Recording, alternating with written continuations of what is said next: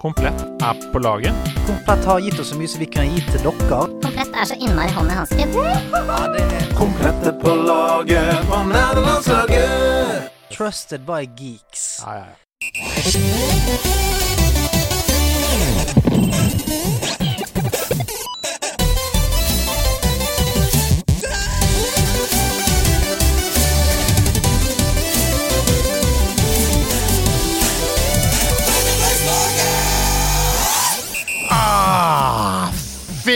Fins en bedre vignett å kose seg til når du trykker på en podkast? Jeg tenker niks, kameratski, for det er nemlig tid for en ny episode av Nerdelandslaget. Mitt navn er Sebastian Brynestad, og over, ovenfor meg sitter en flott herremann med briller og den røde glød. Det er Andreas Hedemann! Snu rullen! Ah! Rull! Ai, ai, ai. Et, et catchphrase. Den er dagsfersk. Den er, den er så fersk som den blir, det. Det er altså Q&A-gjengen som har sendt inn catchphrasen 'Snu rullen'. Det var rett og slett slik at jeg hjemme hos meg hadde dorullen feil vei, og det oppdaget Ida Horpestad da hun eh, besøkte fasilitetene når vi strømmet Git Good Stream hos meg eh, i går, da, i skrivende stund. Eh, så Ja. hvem sendte inn den catchphrasen?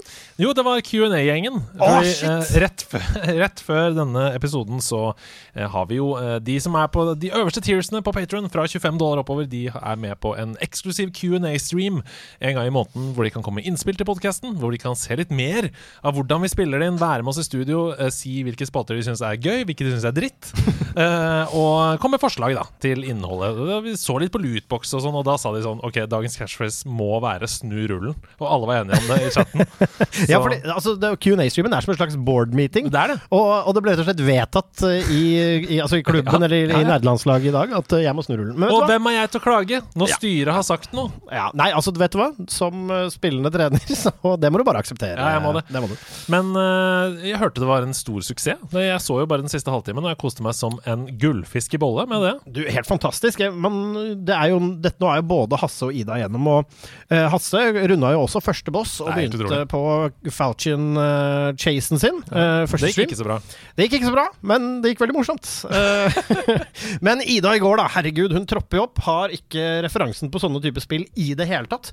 Og som en slags slow-moving Terminator i starten, som tok slag etter slag og heala og drev og skrudde bolt. Så helt sånn uortodoks stil, altså. Helt, øh, helt utrolig bra. Men det var en ære å coache henne, og hun mekket. Hun nådde målet for første stream. Første boss i boks på første sit-down. Det var veldig imponerende. Det er fantastisk. Hvis dere ikke skjønner noe av hva vi snakker om nå, så er dette altså en ny streamserie vi gjør på Twitch som heter Git Good. Der hvor Sebastian spiller med to stykker som aldri har rørt uh, FromSoft-spill før, nemlig Hasse Hope og Ida Horpestad. De spiller seg gjennom Demons Souls, og de får innspill på character build fra chatten. Uh, Sebastian guider med trygg hånd, osv. Jeg føler meg litt som de kokkene i det gamle TV-konseptet Fingrene av fatet. Hvis du husker det? Nå skjønner jeg hvordan de følte seg. De fikk aldri lov til å ta på maten, bare, bare andre folk som fikk lov. Altså, det er den beste referansen jeg har hørt hittil i dag. Fingrene av fadet. Fingrene av fatet! Ja, å, det var catchphrase! Nei, men nok om det. Uh, altså, hva, hva er det vi skal snakke om nå, Andreas Hedman? Du sitter jo på planen. Ja, vi sitter på planen. Jeg tenkte jeg skulle snakke litt om livet mitt nå. Bare sånn, For nå har vi snakka litt om livet ditt. Ja, ok, greit. La oss høre litt om ditt òg, da. Men jeg liker Fordi- best å snakke om mitt. Ja, fordi du og jeg, vi var jo på Hvaler i helgen. Å, om vi var. Tenk på det. Vi var altså på LAN på Hvaler. Vi har ikke vært på LAN på i hvert fall to år. Vi har ikke stått på en scene og hatt liveshow med nederlandslaget på to år, og det fikk vi lov til å gjøre begge deler av Ja. på LAN Mine på lørdag sammen med Ida, da. Wow, for en opplevelse! Det var fantastisk. altså Det var rett og slett uh, en av de ordentlig genuine følelsene av åpent samfunn igjen. Uh, I forhold til du kommer turende, og så står vi på Lambertseter og venter og har kjøpt kaffe, og så er det roadtrip, og så cruiser vi opp til Hvaler, og der blir vi møtt av masse entusiastiske kids og litt eldre folk og et fantastisk apparat. Fredrikstad Blad. Ærverdige Fredrikstad Blad. Verdige Fredrikstad Blad! De har skrevet sak! Ja, Vi er i Fredrikstad Blad nå, og hvis ikke det er toppen uh, Altså start from the bottom, now we're in Fredrikstad Blad. Ja. Eh, men, eh, men et fantastisk show. eh, nydelig sammensatt av Andreas Hedman. eh, designeren av stilig grafikk og god stemning. Og det var bra kok i salen og i det Ja. hele tatt. Og vi hadde en Q&A der, og vi, vi spilte The Nerf War ute på gressbanen, og det var Spiste kebab fra Hvaler, og det var Den kebaben var fra Hvaler! Det er det eneste jeg sier om den saken. Nei, det var rett og slett utrolig deilig. Men Komplett er selvfølgelig fortsatt på laget, er det ikke det? Du, Komplett er så på på laget, du! Og nå er vi inne i en ny måned, dvs. Si nye gode deals for dere som hører på nerdelandslaget. Kvalitetssikret av oss. Ja, ikke sant? Du får rett og, rett og slett the, the, the, stamp of approval. Ja, dette er den ultimate forbrukertjenesten, spør du meg. Um, TV2 hjelper deg, deg bolle! jeg tar deg en gammel bolle som er dårlig gjerrig. Nei, nå, jeg syns hun er flott, jeg, hun som leder det. programmet. Solveig Barstad. Vet du hva, Solveig Barstad, hvis du hører på, shout-out til deg. Ok. Aller først ut den måten her er kanskje altså det Ja, kanskje ikke det aller beste tilbudet, men det er et veldig veldig godt tilbud. Det er den svære, brede og sjukt behagelige Svive Gemini eh, gamingstolen. Oh. Den er i mørk grå, og den er satt ned 1300 kroner. Den er satt ned fra 4200 til 2890. Ja, så det er en investering her, altså. Ja, det er jo mye penger, selvfølgelig, men Ja. for en gamingstol av denne kvaliteten, så du, man vet jo at det koster det. Hvis Ja. du holder på med f.eks. de, de der um, Ocean Lab, er det det heter? De der, uh, det koster jo 5000-7000 kroner, så det er jo liksom Dette er 2890, Ja. og den har så å si utelukkende gode anmeldelser på komplett.no. Så ikke bare ta vårt ord for det, vi har sittet i den i Sandefjord, men folk skriver blant annet da latterlig bra stol, stoff er mye diggere enn skinn og lær. Det er jeg veldig enig i, at stoff er det. Eh, komfortabel, god sittekomfort, bra for ryggen, like digg som stressless, er det en som skriver. Hei!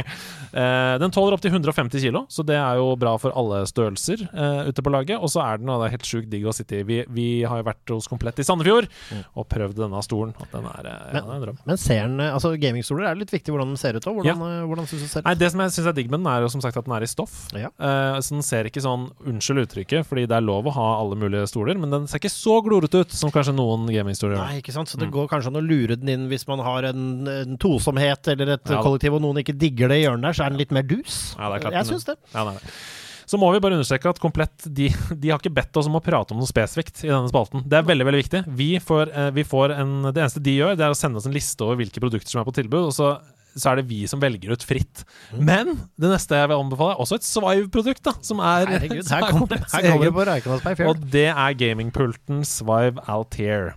Ja! Ja, og den er satt ned fra 3690 til 2590. Så Det er 1100 kroner ned. Og det er en enorm pult. Den er 1,60 bred.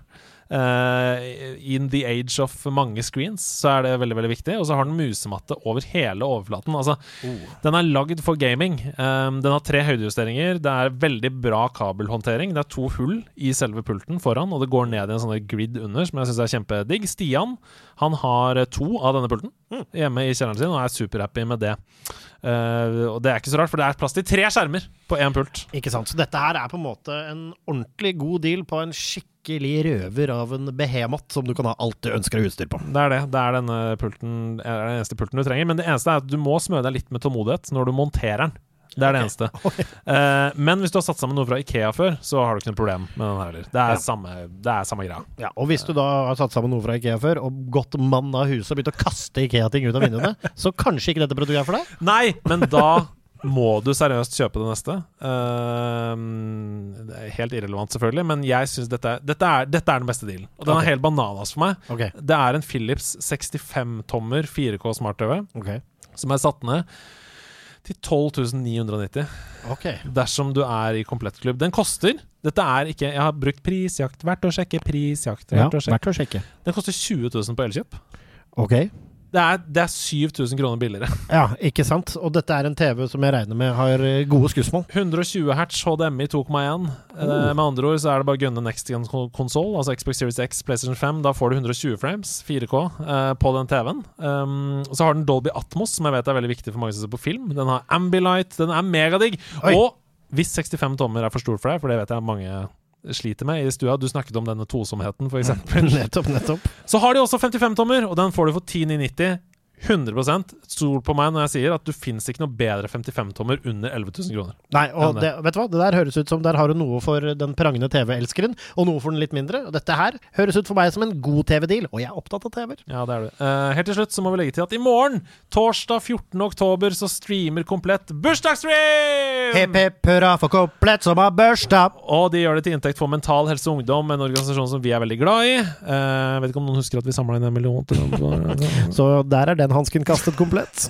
Det blir masse premier, det blir giveaways, og så blir det ikke minst supertrioen Ida Orpestad, Sebastian Brunstad og Andreas Hedemann! Ah, Fytti grisen. Og vet du hva? Jeg skal synge bursdagssang, jeg skal synge tøysebursdagssang, og jeg skal se på masse gode deals og feire komplett. Og vi skal samle penger til Metall Helse Ungdom. Blir det bedre? Det begynner klokka tre og varer fram til midnatt. Vi kommer sånn i seks-sju-draget der, så Ja. det er bare å skru på når du vil. Men nå! Må man pynte seg eller ha med presang? På ingen som helst måte. Okay. Her er alle lov. eh, Alle kan være med, uansett hvordan de fremstår, okay, og hvor lite eller mye gave de har med. Det er bra. Men nå må vi ta inn ukas gjest. Å, dette har jeg gledet meg så sykt til! For Ukas gjest ble født i en nesboks i den mørkeste kroken i Tyrkia og kom til Norge i 1999 med ingenting annet enn en pose med Pokémon, Pog og store drømmer. Siden har han nomadet rundt i Norge på jakt etter den perfekte hamburger. Hans to favorittnavn er Johnny og Michael, og derfor kaller han moren sin Mamma Jill, en blanding av mamma og disse to. Ukas gjest har vært med å lage spillselskapet Perfectly Paranormal. Han står ansvarlig for prisbelønte spill som Manuel Samuel og Helheim Hassel, og skrev også dialogen for det BAFTA-vinnende spillet My Child Lebensborn. På fritiden driver han underholdningsmaskiner som The Ozan Show på YouTube og podkasten Ozan-timen, så lista ligger høyt for de neste to timene. Ta vel imot barskingen fra Byrkjelobrua, forfatter, animatør og spilldesigner Åsa Drøsdal! Hei! Hei! Der er han, i egen person! Her er jeg! Rett fra en nesboks i Tyrkia. Her er han altså. Hva er en nesboks? Det er boksen til en Nintendo Entertainment System, Ah, shit! Jeg trodde en nesboks var en slags form for arkitektur i Tyrkia! Men det er jo en boks, selvfølgelig. Du, den boksen um, skrev jeg på meg. Jeg kan fortelle mer om, et, om det Nei, etterpå. fortell nå. Hva er den tyrkiske Nesbox? Det står at jeg ble født i en NES-boks. Det er bare fordi jeg spilte NES-spill når jeg var liten. Men eh, vi hadde jo ikke neser i Tyrkia. Vi hadde noe som het en Atari. Oh, ja. Ok, Og Atari, da tror du kanskje det er en Atari, men nei, det var en maskin som spilte NES-spill. Bare at den så ut som en Sega Genesis. For det var sånn knockoff NES. Og alle kalte det eh, Det hette bare en Atari. Hvor er Atarien? Der er den. Så ut som en Sega Genesis. Spilte NES-spill. Høres ut som, altså, dette høres ut som det villeste bootleg-prosjektet jeg har hørt om noensinne. For meg så høres det 100 ut som Tyrkia. Er det det som. Altså, Jeg mener å ha kjøpt noen iPads uh, før i Tyrkia. altså. Alle i klassen som kom hjem fra ferie i Tyrkia, hadde jo med seg uh, en hjemmebrent Golden Eye, f.eks., med blått cover og CD. Ja, I flaske, hjemmebrent, sånn destillert. Flytende spillmedie. Men altså, fantastisk. Oi. Men har du altså du, By any chance, har du Genesis Atari SNES-en eller fortsatt? Nei, tingen var, med den var jo at den var laga av hundekjeks og superlim. Så den ble jo ødelagt hele tida. Og for eksempel kontrollerne på den Det som var fint med den, var jo at alle kontrollerne var kompatible med den, men de så ut som vilt tilfeldige kontrollere. Denne kontrolleren ble ødelagt annenhver uke, så da måtte jeg mase på mora mi og medsøsteren om å gå ned og kjøpe en ny til meg. Hvilken butikk er det som fører dette? Ja, det- det Gameflop? Du veit Kemal sin butikk bak dumpsteren. og han bytta alltid design på disse. der Så en, en måned spilte jeg med Sega-kontroller, neste var det NES-kontroller.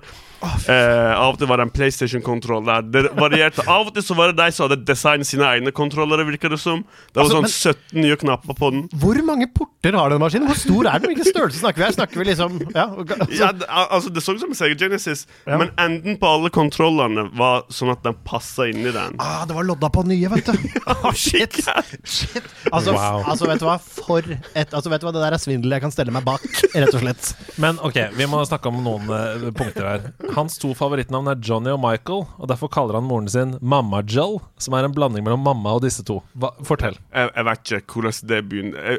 Så eh, Mamma på tyrkisk er Anne, så jeg kaller for Anne Jell. Og det har jeg gjort Det gjør jeg fortsatt. Hun lager som Anne Jell på mobilen. Hvordan staver du det? A-N-N-E-Y-N-U. Det er Y uten prikk på. Shit Så altså, vet du stavinga i jeg ga opp med en gang! Jeg ga opp med en gang den gode, gamle, kjente bokstaven U, og så er det en L på slutten. Men det er viktig å ikke forveksle den med Som også er vanskelig. Veldig gøy. Ok, uh, hvem er du? La oss bare snakke litt om det før vi begynner å grave i liksom din uh, spillkarriere. da Altså, hva, hva gjør du i dag? Hvorfor sitter du her? Hva, hvor er du? Hva? Eh, OK, så jeg heter Åsan. Hei. Eh, oppvokst egentlig i Burkjelo. eh, og jeg er en eh, animatør by trade. Jeg har gått animasjon. Eh, jeg har bachelor i animasjon. og så jobba litt som animasjonslærer en stund. Og så mens jeg holdt på med det, så lagde vi vårt første spill og ga den ut. Og så slutta vi som eh, lærere og fortsatte å lage spill. Hva var det første? Manny Samuel. Samuel. Det var det. Det var For det en debut! spillet. For en debut. Ja. Eller det aller første spillet vårt het egentlig Dudefish. Det lagde vi mens vi gikk på skole. Det leste jeg om et intervju i går, for jeg satt og gjorde research i den episoden, og da fant jeg et intervju med en åh, hva var, Det var uh, Xbox GamePass-intervju eller noe sånt, hvor de spurte om Dudefish. Ja, ja, det husker jeg. For jeg var skikkelig overraska over at jeg visste en gang hva det var. for noe. Det så man i svaret ditt òg, for det var bare sånn Wow! Dudefish! men, Men, men, men kom det bare ut på Atari Sega Nes, eller? Ja, på Atari Sega nesten. Ja, ja. I en sånn cartridge hvor det sto eh, 100 trillioner spill i ett. For det var sånne cartridges vi hadde. Men det var hadde. egentlig bare Dudefish. Ja, Dudefish nedover én trillion ganger. Spill 1 til 99. Dudefish. Og så en demo på Manual 7. Helt bakerst. Ja da, Så den lagde vi på den lagde vi i, i Flash. Så vi gjorde mye på Flash før. Og det var et latterlig spill å lage i Flash, egentlig. Fordi eh, sånn som alle spillene våre, så hadde altfor mye dialog. Og den dialogen tok vi opp i hybelen min med en headset back then. Og så måtte jeg lipsynke alt manuelt i eh, eh, Flash. Det tok eh, for, Det var det som egentlig Hele spillet Det jeg gjorde på det spillet, egentlig var å sitte og lipsynke i to år. Hva, var- hva var spillet? Hva var mekanikken her, egentlig? Dudefish er veldig inspirert av bare Monkey Island. Det er en helt plain point and click eh, adventure-spill eh, som handler om en person som da våkner opp som en eh, gullfisk nede i havets bunn. Og så har han gullfisk. Hun kommer så han har glemt hvordan han har blitt en gullfisk. Og så starter liksom spillet, og skal prøve å finne ut av det, men det var sånn det var det jeg hadde skrevet. Jeg visste ikke sjøl hvordan han hadde blitt en gullfisk. Og vi bare gikk derfra, og så skrev jeg spillet etter hvert som vi lagde det, husker jeg. Og så ga vi liksom Når vi ble leie, så bare ga vi ut episode én.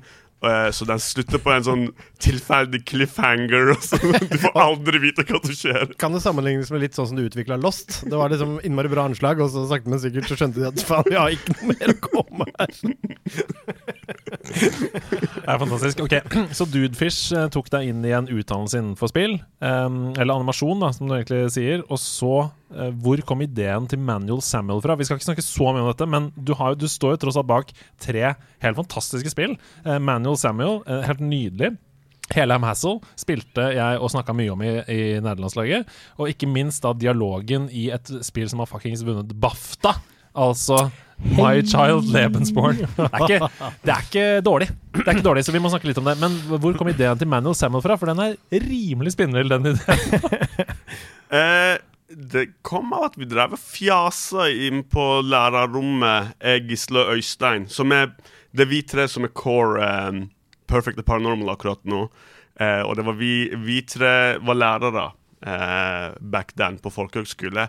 Og så i tillegg til det så var vi nettopp uh, ferdig med skole, så jeg begynte på jobb. Og det var en periode i livet mitt hvor jeg følte meg litt Manny og Samuel. Det var masse jeg måtte plutselig gjøre manuelt sjøl. Etter at jeg liksom slutta på skolen. Du, du, måtte liksom, du må begynne å betale regninger, du må finne ut hva du skal ete istedenfor bare å kjøpe det i kantina, etc. Så det må ha vært litt av det.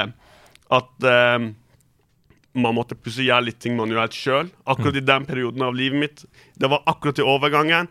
Og så en annen tilfeldig spill som faktisk inspirerte meg, var et sånt eh, metrospill på Xbox. Ja. Jeg husker ikke hvilken av dem det var, men jeg hadde et våpen, og når du skulle lade den, så var den veldig manuell. Du måtte sveive og pumpe og styre på med den for å lade den.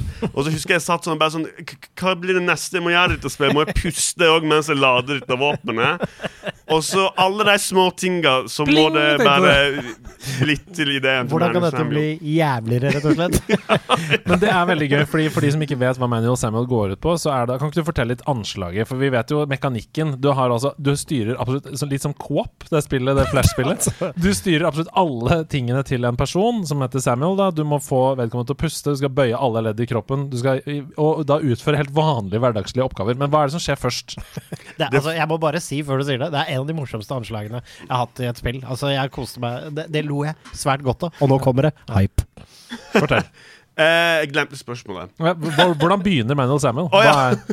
Jo, så Manuel Samuel er denne rike fyren. Han er karikaturisk altfor rik. Han har aldri gjort noe sjøl i hele sitt liv. Eh, Starta med at han har glemt bursdagen til dama si for tredje år på rad. Så slår han i fjeset med broccolijuice. Eh, og så får han hjernerystelse, og så skal han gå etter henne. Og da er det allerede litt manual, for vi var bare sånn OK, hvordan kan vi eh, introdusere enkle ting i starten, fordi det er litt ting som leder opp til at du skal bli manual. Så du får hjernerystelse, så er det litt manual, så går du etter, og så kommer det en uh, septic tank truck og kjører på deg, sånn at du dør. Eller Sam dør. Uh, han drar selvfølgelig til helvete. Eh, og der møter du Death, døden, og han er sånn skikkelig ukul skater-dude. Eh, og han gjør da en eh, deal med Sam om at han sier OK, du har aldri gjort noe sjøl i ditt liv, men hvis du klarer å gjøre absolutt alt sjøl i 24 timer, så kan du få livet ditt tilbake. Og det innebærer selvfølgelig alle kroppslige funksjonene hans òg. Altså, for meg, Jeg visste at dette kom til å være hysterisk morsomt allerede i starten. Når, det er vel, jeg er vel helt i starten hvor du når etter å ha fått den på trynet, hvor du går forbi bordet med den ungen, og så må du støtte deg på bordet, og så velter glasset, og du bare baller på seg for fyren. Og når du da til slutt skal på vei ut, og så har glemt å betale, og du må liksom manuelle deg tilbake til den disken, og han liksom kaster de pengene på han ansatte. Det, er, det, det setter standarden for Manuel Samuel for meg. Altså. Og han er jo superrik, og det er en liten ting vi la inn at du kan fortsette å gi ham penger. Du kan tipse han helt til han slutta i jobben for å starte sin egen kafébutikk. Og er det, er det easter egg? Fordi jeg, jeg tror jeg, jeg husker det var 500 euro, eller hva faen det var. Eller noe sånt, og Han bare 'thanks for the tip, man'. Og da gikk jeg. Men du, kan- du sier at du kan tipse han. Helt til han slutter på jobben. Og da sier forfatter, nei, fortelleren han sier nok en gang så har han tipsa noen så mye at de slutter på jobben. Og det er ikke første gangen det har skjedd. Altså, dette er så gøy. Og for de som hører på nå, dere skjønner jo at dette er gøy. Åsan har en helt sjuk hjerne eh, som manifesterer seg da i fantastiske spillopplevelser for oss. Så heldige er vi. Um, og Helheim Helheim Hassel er ikke noe mindre genialt, uh, rent historiefortellingsmessig. Det er jo også helt weird. Nok en gang er det noen som dør i starten. er dette, hvorfor er dette et felles tema for spillene? Jeg vet ikke. Det begynte med at eh, jeg pleide å lage mye Einruter-tegneserier før. Ja. Eh, sånn Ger Gary Larsen-inspirerte. Ja. Og det er jo veldig sånn slapstick-basert ofte. Ja. Mm. Og både Gary Larsen og vi har vår tyrkiske Gary Larsen, som heter Selçuk Erdem, som lager eh, sånne enrutere som er sjukt morsomme. Da bare så jeg for meg at den var kompatibel med alle aviser. Alle. Jeg så for meg noe litt at det var tegna Jeg følte at det bare var tegna skjegg på Gary Larsson-striper. ja, du vet, så, Han bare ga det ut sånn, og ingen bare Alle bare Wow, det der er Altså, jeg, altså, skal jeg si på ingen måte at alle tyrkere er sånn, altså, men altså, det, er- det er dobbeltsjekka, ikke sant? Nei da, men det, den, det formatet Det går ofte i helvete-vitser. hvor det er sånn to jævler som er i helvete, og så diskuterer et eller annet. Hysterisk morsomt. Det er mine favoritter. Og himmelvitsene han har òg. Eh, veldig morsomme. Og jeg vet ikke, kanskje det begynte der fordi det startet med Manu Samuel. Eh, det, med du, eh, det starter med at du dør, havner i helvete og alt sånt der. Gikk videre til Helheim Hansel, samme starten der. Og nå jobber vi med del tre av tirsdagstrilogien. Starter med at alle dør. Alle denne gangen. alle dør. Absolutt alle. Oi, oi, oi. Ja, det er bare å glede seg. Eh, jeg har sjekka tallene på proff.no, og det er ingenting som tilsier at Perfectly Paranormal går spesielt dårlig. Tvert imot! Det er en meget god likviditetsgrad, som betyr at folk elsker spillene til Perfectly Paranormal. Med andre ord, vi kommer til å få mange spill der noen dør i starten eh, Kan- de neste årene. Nå som du har hatt stor suksess, har du blitt litt sånn som Manuel Samuel selv? At du kaster penger på folk som er ansatt på bedrifter og sånn? Kjøp en kaffe, og så slutter jeg alltid på jobben. For det bare Ja, for jeg, KP, altså til de av dere som kjenner KP som jobber i baren på House of Nerds og driver House of Nerds. Ja. Eh, Jeg så han var i ferd med å slutte nå, etter du tipsa. Fantastisk. Uh, dette er jo et helt rått anslag, men her i nederlandslaget så liker vi jo å spørre gjestene våre Åsan Drøsdal, hvor begynte det for deg? Hva var din første spillopplevelse? Og det er sånn koselig musikk, men eh, Ja. som jeg nevnte i stad, min eh, start i spill var jo eh, forvirrende og skremmende, for vi drev på med den Atarien. Og eh, første spillet jeg spilte på Atarien, var Super Mario. Eh, vanlig Super Mario Bros. Helt vanlig, helt normal. Ikke, han hadde ikke skjegg eller noe på den versjonen. Denne maskinen må jeg ha! Jeg må ha den! Men her er tingen. Det eneste grunnen til at jeg spilte det spillet først, er fordi det var nummer én i en, i en trillion-kassetten. Oh, ja. For de gidder liksom ikke å prøve engang. OK, jeg hadde kjøpt det hvis det hadde stått 1 15 i 1, ikke sant? 15 i 1, jeg kan kjøpe det. 100 igjen, OK, kanskje 1 million spill igjen. Hvem er alle disse spillene? Hvor kommer disse spillene fra? Men det var. Fins det en million spill på denne, på denne tiden? Det er spørsmålet mitt. Nå er Super Mario 1. Og det var jo Så jeg begynte med Mario. Extreme value, da. Altså én million spill i én, og det første er Mario. Altså, det er bare sånn Der strides de svindlende, altså. Om det var ekstrem value der. I, I den kassetten så hadde vi Og så sjekker ikke det engang hva spillet heter. Nummer to, det var Space Invaders. Men Oi. det var ikke Space Invaders, det var Galaga. Det fant ikke ut for sånn 20 år seinere. Potato, potato. ja, ja. Ok, Så det sto Space Invaders, Det sto men det Space var Invaders. Galaga. Ja, Nummer tre, Tanks. Hvis du kjenner til det kjente spillet Tanks. Det var Ja. Battle City. Ja. Og så var det bare Mario igjen, bare at denne gangen så var det lavtyngdekraft. Og så var det Space Invaders, bare at det gikk hin veien. Og så ble det mer og mer absurde jo lenger ned i lista du kom. Det sånn. Nå er det Mario igjen, bare at det er lilla og opp ned. Purple Mar Akkurat sånn. Altså, du må, Nå må du passe på ideen din her. Du er jo i ferd med å utvikle de nye spillene til Sega Sega Atari NES. Atari Sega NES. Fordi det som er eh, problemet da, da I Super Mario 2 så var det jo sånn at uh, du hadde vanlig sopp, og så hadde du også sånn sopp som var lilla og gul. Så hvis du tok den, så døde du. Husker du det? Kom sånn ja. fake sopp. Stemmer. Uh, det kan du ikke se hvis det er lilla. Bilde. Da kan, du klarer ikke å skille soppene fra hverandre. Mistenker at det ikke er det eneste problemet med bildene av det spillet. altså det var På lav tyngdekraft Mario Så kunne du bare hoppe over flaggstanga og gå evig til du gikk tom for tid, og så daua du bare. Og det var bare spill for oss. Det var sånn vi levde. Vi bare Jepp, der har du det. Eh, lav tyngdekraft Mario, det er et spill. Wow. Men, hvor, men også da, ikke sant? Hvis, vi, hvis vi spoler litt fram, da så nå er vi, vi er nå i et voldsomt bootleg-område. Men du får jo fortsatt noen gamingopplevelser sånn halvveis, i hvert fall gjennom denne kjeksen av en konsoll. Men, men når var det liksom Når var det kjærligheten tok av? Når var det du fikk hendene dine på noe relativt autentisk? OK. Bare for å følge opp dette, så må jeg bare si at du kom jo ikke til Norge før i 1999, det stemmer? Ja, 99, 2000 Jeg glemmer det. 2001, Og hvor gammel er du? Når er du født? 90. Ja, ok, så det var Så ni jeg år. var 10-11 år når jeg kom til Norge. Ja. Ja, så denne perioden varte ikke lenge, men det var en stor akkurat da var jo det en stor prosentandel av livet mitt. Så jeg bare, Mm. ok, det er sånn jeg lever nå. Men ehm, Så du fikk disse cartridgene en i en trillion, men av og til så fant du en cartridge som det var bare ett spill i. Kosta det samme som én i én trillion. Wow. Så da visste du wow, dette er, en ek, dette er et ekte spill. Så det første ekte spillet, som er den dagen av en av mine favorittspill, er eh, Ninja Turtles Manhattan Project nummer tre. Hello. Ja. Så det spilte vi hele tida, og så Men fortell, da. Ninja Turtles Manhattan Project 3. Mm. Vi har jo ikke snakka Det har vi nesten Altså Hvis vi snakker om Turtles-spill i denne podcasten, så er det ofte um, Turtles in Time, Mm. for eksempel, på SNES. ja. eller noen mer moderne spill. Men kan ikke dere bare Dere, Jeg ser at det gnistrer i øynene dine. Ja, altså Det er heller ikke det Turtles-spillet jeg har spilt mest, men du kan jo du kan ta deg gjennom eh, din kjærlighet til det. Altså Dette er jo da i den klassiske, gode, gamle er, Arcade-serien. Det, det er fortsatt beat them up. Jeg har ikke spilt det ennå. Ja, ja. Det er, det er altså beat them up, men ikke som du kjenner i Turtles in Time. Det er litt mer old school. Du kan jo, du kan jo ta oss gjennom din opplevelse med det fra start til slutt. Ja, jeg syns jo For Turtles in Time er på SNES-en, ikke sant? Ja.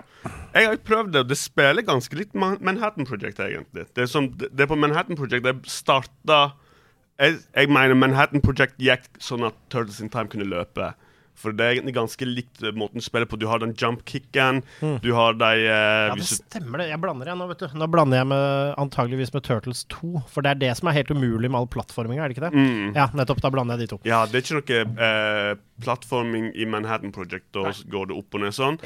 Og eh, grunnen til at jeg elsker det spillet, er fordi jeg har alltid vært um, Jeg har vært veldig fascinert med spill som ser ut som tegnefilm. Sånn spill som eh, Det føles ut som du spiller en tegnefilm. Og det første spillet uh, på NES hvert fall, som jeg oppdaga, var, sånn, det var Manhattan Project. Det starter med det bildet på starten hvor de står sånn, og så har de liksom tegna det akkurat sånn som det er på den serien vi pleide å se på da. Og så, og så begynner det med at Shredder bare stjeler Manhattan. Ah, shit, det er så typisk Shredder! Det er så typisk Shredder! Og så må du redde Manhattan, og så starter det Og så eh, har du de idol-animasjonene der, og de ser på skjermen.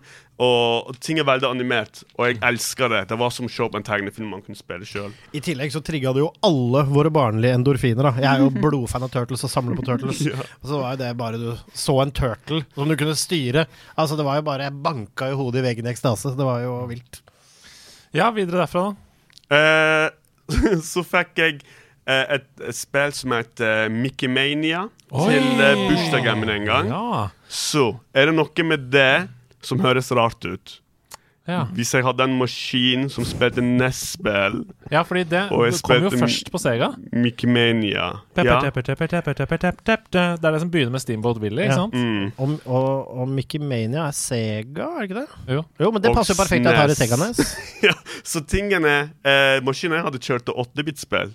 Oh, ja. Det, hvis du googler Mickey Mania, så er det et 16-bit-spill. Ja, ja. Hvordan går det seg til? Eh, Seinere i livet mitt, eh, når jeg begynte å se på Angry Nintendo Nerd, så begynte han å Han har jo alltid sånn Han lærer deg historien, og dette var nesten og alt sånt, så jeg visste ikke at Ness var en ting engang. Jeg trodde å ja, det, vent det der er ikke Atari Sega. Det Hva er det der for noe? Hva er det for noe dritt? Jeg har ikke hørt om navnet Nintendo engang. Liksom. Jeg bare Hæ? Å ja, å, vent litt. Kan det hende at min gamingopplevelse av dette der ikke var helt autentisk? Det var jeg som ble lurt hele tiden! Du tenkte bare at alle sånn At du tenkte du så James Rolfe, uh, Angry Video Game, når du bare satt og spilte, og du bare Har du bare spiller bare én type spill? Hva for noe dritt er det de har borte i USA? Så når jeg så det Jeg hadde lyst til å spille Det, det var jo rundt 2009-10 eh, jeg så mest på han. Og da jeg bare Hei, jeg husker disse spillene. Jeg husker Tanks, som tydeligvis heter Battle City, og Galaga.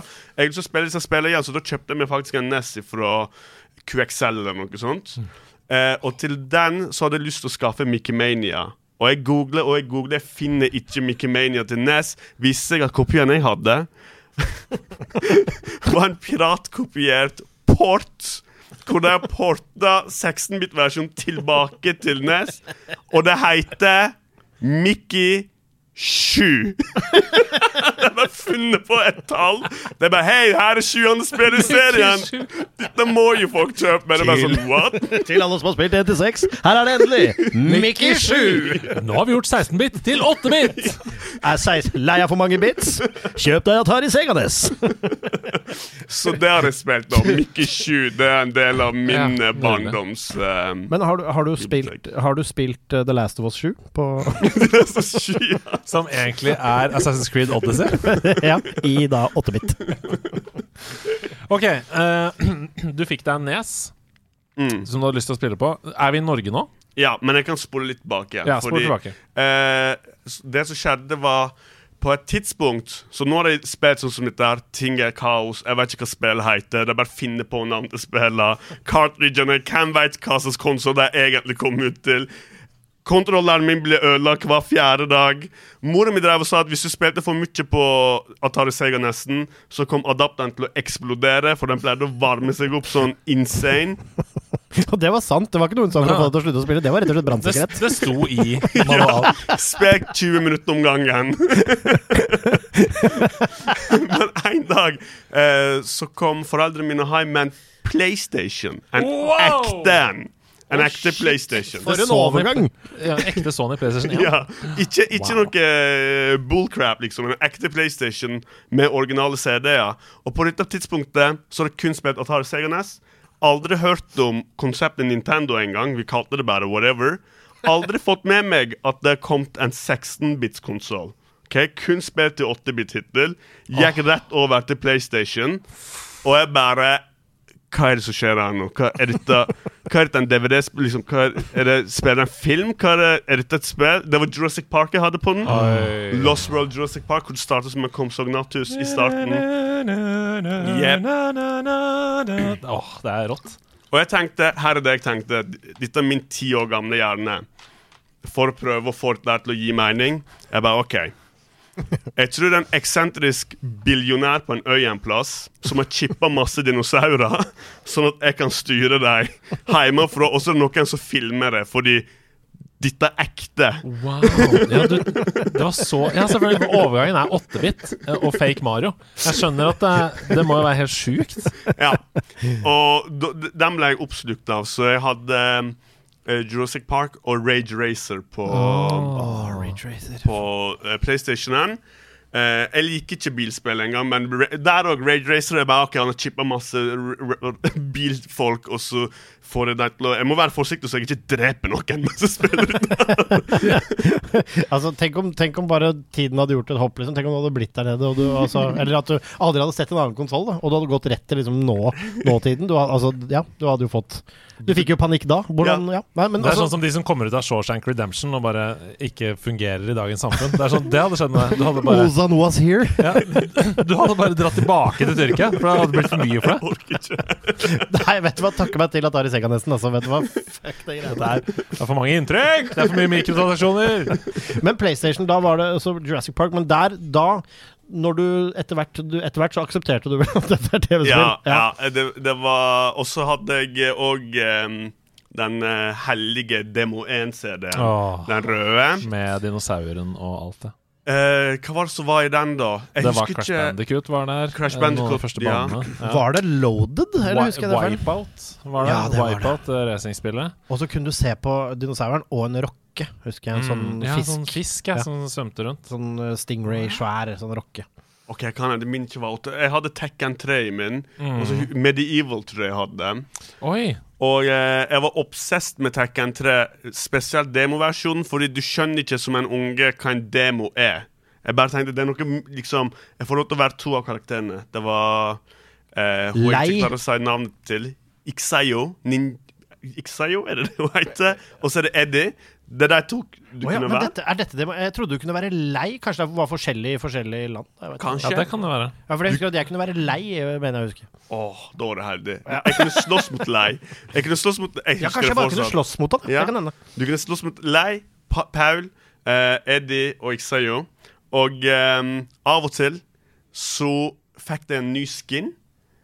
No, jeg vet det nå, Hvis du trykker på trekant, så får du en annen skin på deg. Vi visste ikke det da. Av og til ble du bare borti trekant. Og så kom de med litt nytt skin, og det er så sjelden. Så da var det sånn OK, trykk på pause. Nobody move!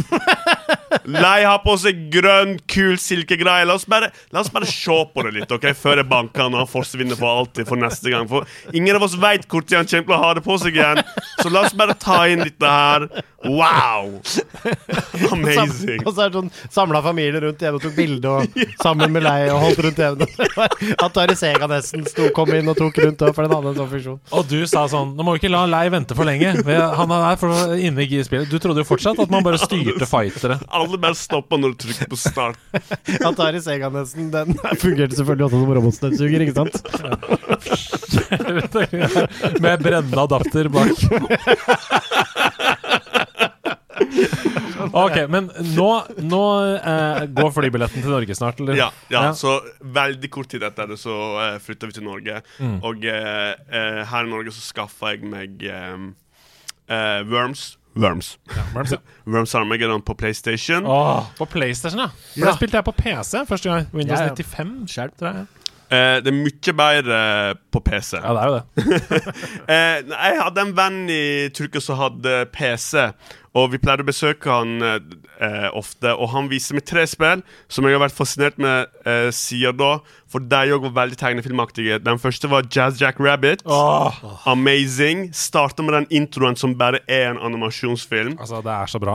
For et bra spill. Det er det beste plattformen fra Mario, blanda med den beste skytingen fra Duke Nukem. Altså, det er jo helt fantastisk. Amazing spill. Og så viste han meg Worms Armageddon. Det òg. Veldig tegnefilmaktig. Makken snakke. Der òg hadde du sånn snutter før, uh, før du starter med en game hvis du venter for lenge. Jeg tror fortsatt objektivt det er det beste Worms-spillet.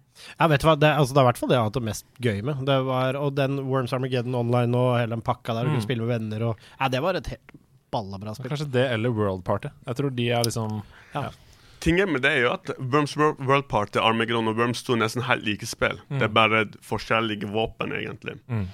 Så, og jeg er helt enig. Overlegent i forhold til de nyere Worms-spillene og gamlere. Mm. Tredje spilleren viste meg, var Monkey Island 3. ah, For et utvalg! Det er Cursor Chuck, er det ikke det? Eller Jeg tror det. ja, ja. Det er det som er ordentlig tegnefilm. Det er der hvor du starter i skipet og må ut og fiske Murray opp med armen, eller dytte han av og sånn. Ja, det er Curse of Monkey Island, Okay. Ja, Curse of Monkey Island. Ja, det er det det heter. Og det var, det var ikke sånn at jeg bare Å, dette er kinda som en tegnefilm. Det var en tegnefilm. Du fikk til og med bestemme hva du skulle si. Og jeg bare Oh my god, PC. PC-spill er crazy. Dette her er nuts. Det er ikke sånn som Jurassic Park hjemme, liksom. Dette her er faktisk en tegnefilm. For jeg var obsess med tegnefilmer, Ninja Turtles og Tom og Jerry og Kind som gikk på TV. Så og obsess med spill som så ut som tegnefilmer. Og obsess med å prøve å lage det noen spill som ser ut som tegnefilmer. Det er ganske viktig for meg at vi har minst mulig UI, og at animasjonene og sånn, sånn at du kan lene deg tilbake og late som det er en tegnefilm. Eh, uansett, så jeg kjøpte Worms, for jeg hadde sett han spille på PC. Så jeg kjøpte det til PlayStationen, men den versjonen var crap. så da kjøpte jeg det til PC-en eh, etterpå, for jeg, fikk meg en PC etter hvert òg. Og da spilte jeg Worms Armageddon hele tida. Vi hadde må, sånn uh, shitty internett, så du måtte betale for så du ikke kunne Diro, bruke diro. samtidig Ja, ja. som AD, telefonen. ADSL, det var jo ISDN. ISDN var det. ADSL var jo bredbånd. Herregud! Få bokstavene dine riktig, mann! Viste det fram til alle jeg gikk i skole med, rekrutterte dem til å spille Worms. Bare vi må spille Worms. Hadde dere også sånn ninja rope eh, challenge mot hverandre? Å, det var Ja. fett. Jeg spilte det masse, på, masse online, og det var Den communityen er jo crazy, for det er liksom communityen som bestemmer reglene, og så bare følger du reglene. Det er ikke en game mode Team 17 har lagt inn. Det er bare, det er bare masse tilfeldige folk på internett som alle blir enige om at det er sånn vi skal spille, og så er det ingen som bryter reglene. Fantastisk. No girders, som vi pleier å si. No girders, prod only. oh, prod only! Og Ninja Rope Prod Battles, ass. Holy shit. Det kan, det kan være episk. Ja, altså komme seg i sikkerhet, sånn at ingen andre kan komme til deg med ninja rope. Oh, det er jo jævlig. Det var ingenting var verre enn når du dreit deg ut, og du fikk hepp, og du det, altså, Og så stanga du ned, og så satt du hodet i jorda, og så måtte du dra deg opp og riste. Og mitt favoritting i hele Worms-universet, det er første gangen du lobber en holy i grenade. Halleluja! Boom! Den går så sjukt i lufta. Det bare blæsta sinnet mitt. altså. Ja, det var helt Etter det så var det bare sånn Vi må ha det våpenet i hvert spill. Skip? Hvem kan glemme skip? Det er så mye bra. Det er så mye bra. OK. Det høres ut som eh, vi må spille Worms en dag. by the way. Ja! Shit, det er stream, da! Ja, Worms Armageddon. ja, ja, ja, ja. Det er på Steam nå. Ja, ja, ja. ja. Jeg, har, jeg har nesten alle Worms-spill jeg, på Steam. Men, er Altså, dra krakken bortatt streamen. Altså, det må vi gjøre på Nerdelandslaget-streamen en dag. Er ikke, altså, noen av de Worms-spillene er ikke så glad i å jobbe sammen med Streamlabs. Det er det eneste. Men, men de har blitt flinkere til å optimalisere det. Fordi er det noe Team 17 ser, så er det det samme som oss. Dette er stream. Dette er stream, Ja, altså, tenk deg Å- Åsan, Hedo og Brynestad i en Prod Ninja Rope Only Challenge. Jeg hadde sett på. Oh, shit, jeg hadde klikka og vært glad på likt. OK. Eh, hvilket år er vi i nå? Du, vi snakker om Ja, det må ha vært 2001 eller noe sånt. Ja. Har du liksom eh, Altså jeg kunne, Denne episoden kunne vært tre, fire, fem timer lang, kjenner jeg. Eh, det er veldig, veldig deilig. Men er det noen, noen spill du har lyst til å liksom eh, lande på, som du mener har utviklet deg til den både profesjonelt, da, for du jobber jo med spill, men også sånn privat, eh, som har gjort deg til den spilleren du er i dag? Noen som står igjen som sånne påler i, fra liksom 2002 da, til nå? Ja, det, eh, ok, sånn at At the top of my head Så må det være i hvert fall Worms Armageddon. 2D-spill, morsomt, dialog, masse dialog. eh, Masse slapstick. Masse slapstick. Ikke minst. Ja, så det er masse jeg har beholdt derifra. Og så har jeg spilt eh, spill som jeg fortsatt spiller, som jeg spilte i 2000. da La oss prøve å narrowe det ned til det. Så er det i hvert fall Pokémon. Jeg, spiller, jeg spiller Ja. altfor mye Pokémon. Men begynte du på de aller første, eller? På Ja, så Boy? Eh, Når jeg begynte på skolen i Norge, så gikk alle rundt med Gameboy i handa. Og jeg var obsessed med Pokémon da. Jeg husker Noe av det første jeg gjorde når jeg kom til Norge, var at jeg viste meg at var, vi hadde en VHS-spiller som du kunne rekorde på. Og så tok jeg opp en eh, Pokémon-episode med den. For der viste meg at det, det går an. Jeg bare, oh, snap, Så tok jeg opp Pokémon-episoden Og så så jeg den Pokémon-episoden om og om igjen, helt til neste era dagen etterpå, så jeg kunne ta opp den òg. Jeg var sjukt fan eh, av Pokémon. Og så så jeg at folk gikk med Gameboys på skolen, og så spilte de Pokémon Gull.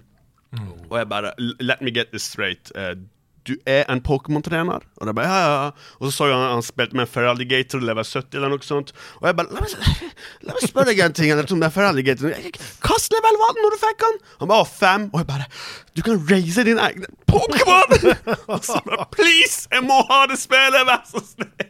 Så jeg maste på foreldrene mine i eh, det som føltes ut som 44 år. Og så fikk jeg endelig min egen Pokémon. Og så hadde jeg eh, og Back then så var det jo bare Det gikk ut på å bare få mest mulig Pokémon til level 100. Men nå driver jeg Jeg driver og breeder dem. Skal ha perfekte stats. IV, hidden IV, nature, det må stemme. Shiny. digger Shiny hunting, ja. Så jeg har 400-500 timer på Pokémon Sword nå. Og, og, og Sapphire, Omega Sapphire og Platinum og alle de der hvor jeg spiller det hele tida når det kommer ut. Så det, altså det er rett og slett eh, altså det, Jeg kjenner meg jo igjen uh, i å bli helt sånn überbetatt, spesielt som kid. Da sånn Pokémon rød som jeg starta med. Og den bare Det var mind-blowing. Altså det var den følelsen av Jeg var satt på seilbåt den sommeren jeg fikk det. Så var på seilferie hver sommer med familien. Og jeg tror faen ikke jeg så ikke på sjøen en gang. Altså. Jeg tror ikke jeg så sjøen den sommeren. Og jeg var tre uker på båt, liksom. Det var Det var- noen mugne foreldre der. Eh, Nei, vet du hva, jeg tror de bare var letta og glad. Jeg satt i piggen på seilbåten der og hadde liksom med meg Det eneste jeg hadde med meg Båten lå skeivt, for jeg hadde med så mye AA-batterier. Og det lå i den ene hylla om bord.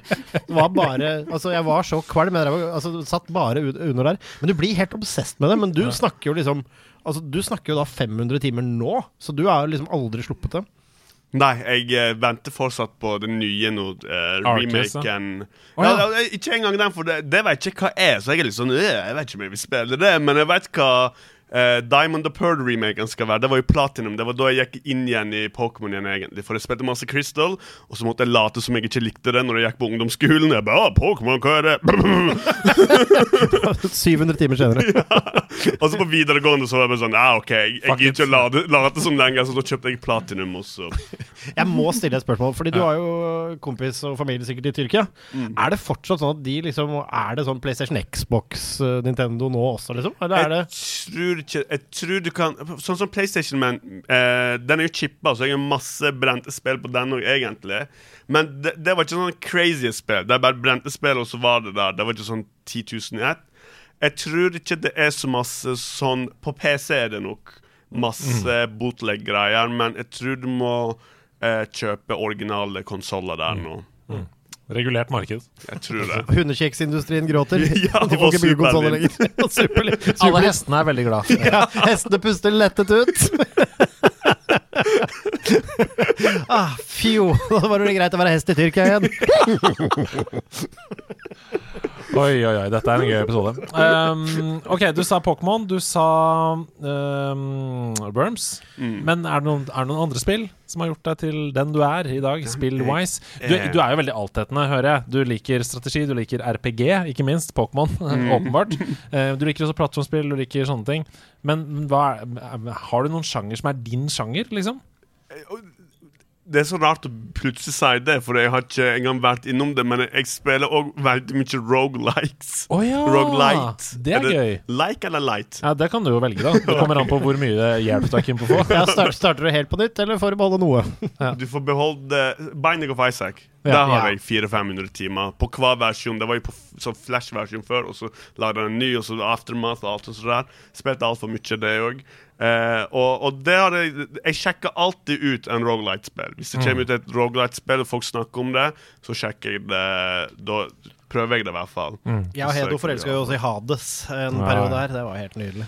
Ja, og ikke minst um, Hollow Night. eh, Fantastisk. Um, Dead Cells. eh, Elsker det. Så Har du ikke prøvd et spill som heter Going Under? Nei, det har jeg ikke spilt. Det er så bra fordi det handler om noen som får seg en Det er eh, ei som er intern i en sånn kontorsted som markedsfører. ok? Hun har fått seg jobb som markedsfører-intern.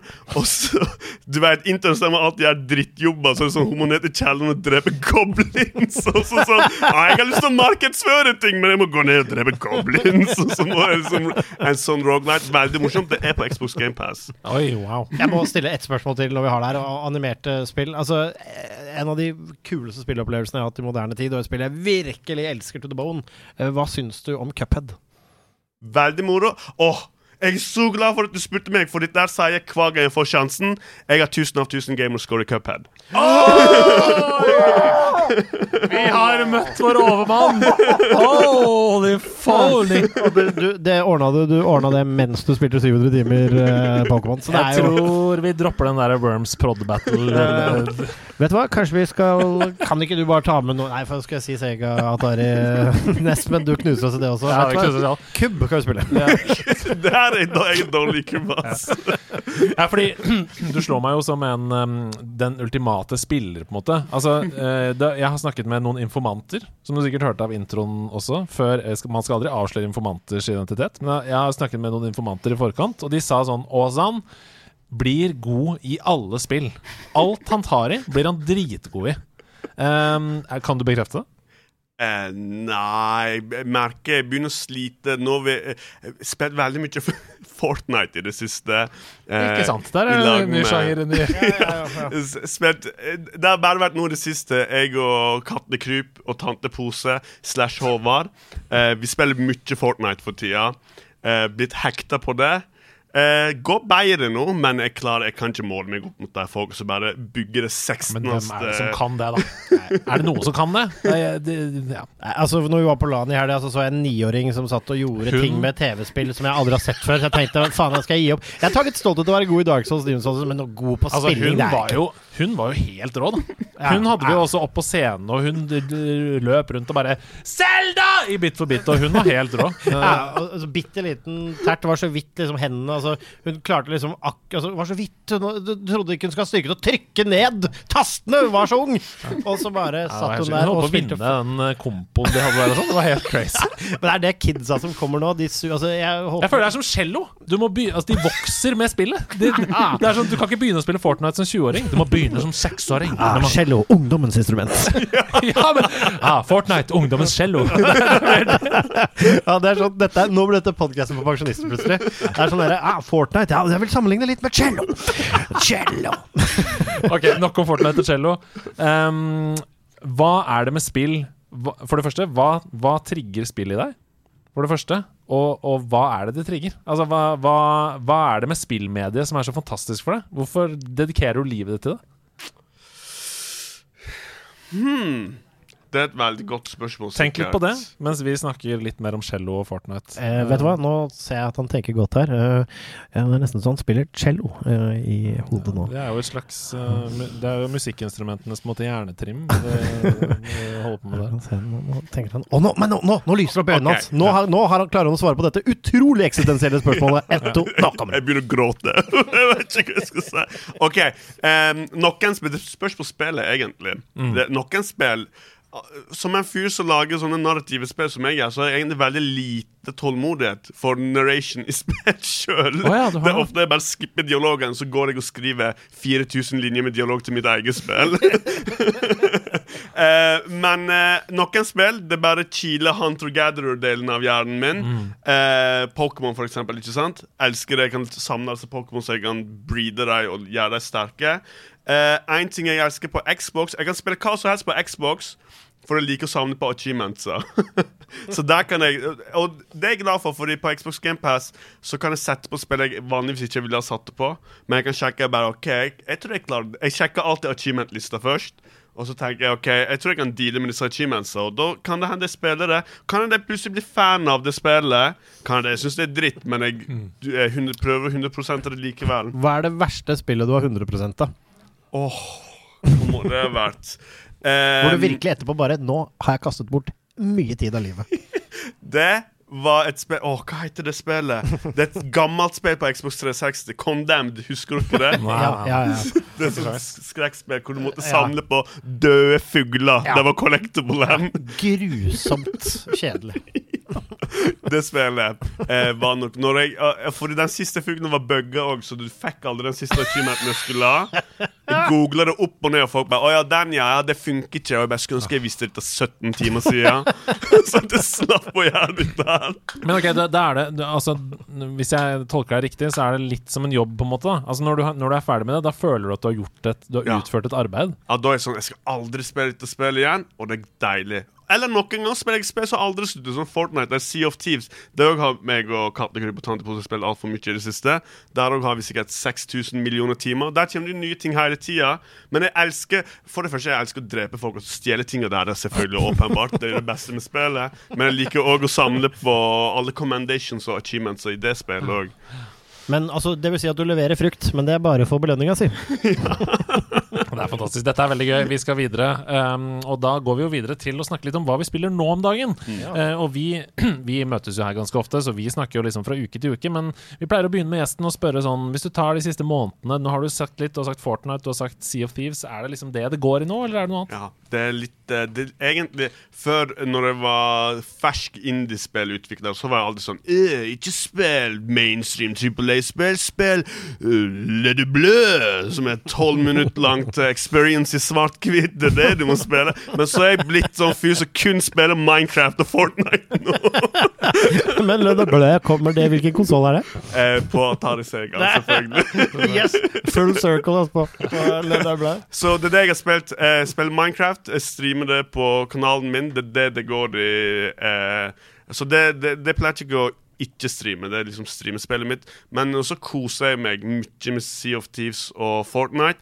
Og så er det sånn og så er det sånne spill som jeg later som jeg har spilt for jeg, Jeg sitter og venter på deg. Bare, yes, Når det kommer ut, så skal jeg spille det. Og så har jeg ikke spilt deg. Og de spillene innebærer selvfølgelig Psychonauts 2. Jeg gikk og ventet på det i ett år. Det har vært ute hvor lenge nå? lenge. Har ikke spilt det ennå. Har det hjemme! Men det ligger jo på GamePass. Ja, det ligger på GamePass. Har ikke spilt det. Andre spill som jeg har ventet på kjempelenge, som kom ut, Sable på GamePass. Har ikke spilt det. Hver dag. Jeg har lasta det ned. Det står klart. Setter meg ned. Skal du trykke på Sable? Ah, sea of Thieves. Men så må du huske at du er opptatt med å breede en master race av Pokémon. Da, så det ikke så veldig rart. Samtidig, jeg har mye å gjøre på det. Har jeg. Men ja, så tre spill. Minecraft, Fortnite og Sea of Thieves. Det er godt det har gått, gått i hos Det er en deilig meny, da. Det er jo, du dekker jo på en måte kanskje 70% av Norges spillbefolkning med de tre. Og jeg bare kaster ut. Du hørte det fra indiespillutvikleren selv. Eh, Ikke spill det det blø, spill disse tre. Eh, men jeg spiller masse Helheim Hassel. Det er et bra spill. Ops! Plugging! Hva med deg, Brynis? Nei, det er jo ingen hemmelighet at det har blitt en del Fifa. ja det har det gjort. Jeg, er på jeg, jeg er glad i det. Anmeldte det forrige uke, så trenger ikke å snakke så mye mer om det. Men uh, så har det jo blitt litt Dark Souls, nei, Demon Souls nå, da. Ja. Eh, og se det litt med nye øyne, fra liksom sammen med noen som kan oppleve den pure entusiasmen av å ta en boss. Jeg kunne se liksom Idas iver når hun tok sin første boss, og se liksom de svette hendene. Og hun var altså, den skjelven som var når den kom krypende inn. Altså, det, det gir meg mye glede. Og utover det så har det vært uh, litt stutt uh, med gametid, uh, sånn at det har rett og slett drukna litt i det. Men det har vært noen chivalry-matcher, det har vært litt sånn eh, sporadisk gaming, rett og slett. Det er helt absurd. Det er en kjempemygg i studio. Det er det. Vi er, vi er, nesten, vi er langt ute i oktober. Det er en stor mygg i studio. Hvor har den kommer fra? Det der, dette er House of Nerds-myggen, og Ja. den lar du være i fred. Um, um, men ja, nei, så det er egentlig det. Hva med deg, Hedo? Du, jeg har spilt et 20-runders game med Mario Party 2. Hey! Og det gjorde jeg på eh, Nintendo 64 mot Ida Horpestad og en kul jente som heter Maja, på LAN på Hvaler i helga. Ja, jeg jeg kjørte jo Sonic, det glemte jeg å si. Sonic 2.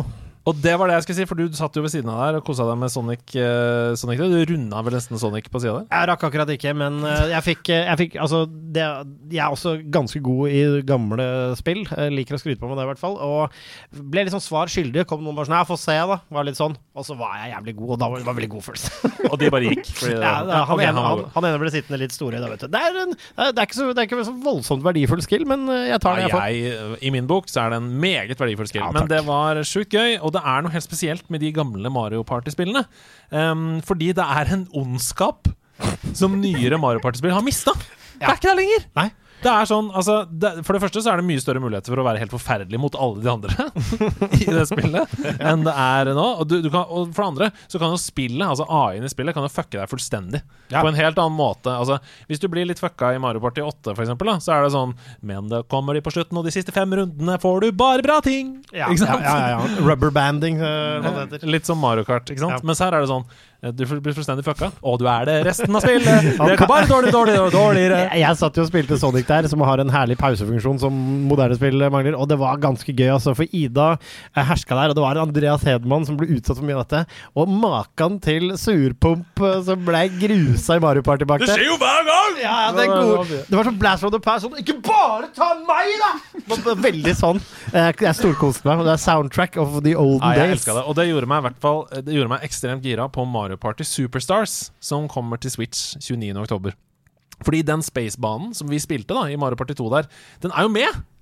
I Mario Party Superstars. Uh, jeg syns det ser helt rått ut. Jeg. Det er jo første gang Altså, disse, disse rå brettene her uh, på mange gamle Mario Party-spill, og 100 av de beste minigamesene som har kommet. Oi. Det er jo helt sjukt. Um, og så er det i tillegg til det, da Første gang så er det 100% online med venner. Det har det ikke vært før. Super Mario Party til og med på Nintendo Switch kan du ikke spille med venner.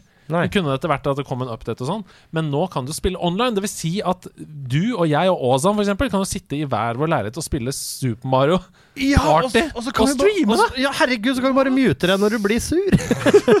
Så jeg, ja, det, det skal dere få lov til å gjøre. Men jeg er i hvert fall superstalka på å liksom knekke noen uh, kalde og, og spille Super Mario Eller Mario Party Superstars, da, som det heter. Så kan, kan ikke vi please gjøre det? Vi kan streame det. Jo, jo. Enten lokalt, at jeg kommer til deg, eller du kommer til meg, eller noe sånt. Eller at vi møtes. Jeg er med. Ja. Ja, altså, herregud, det, og så tar vi først et slag det, og så en slag Worms. Det, det blir en kveld. Nei, herregud. Hører dere dette, eller, folkens? Det er jo helt absurd. Tusen takk for at dere hører på. Dette er det gøyeste jeg har gjort denne uka, i hvert fall. Og nå blir det enda gøyere.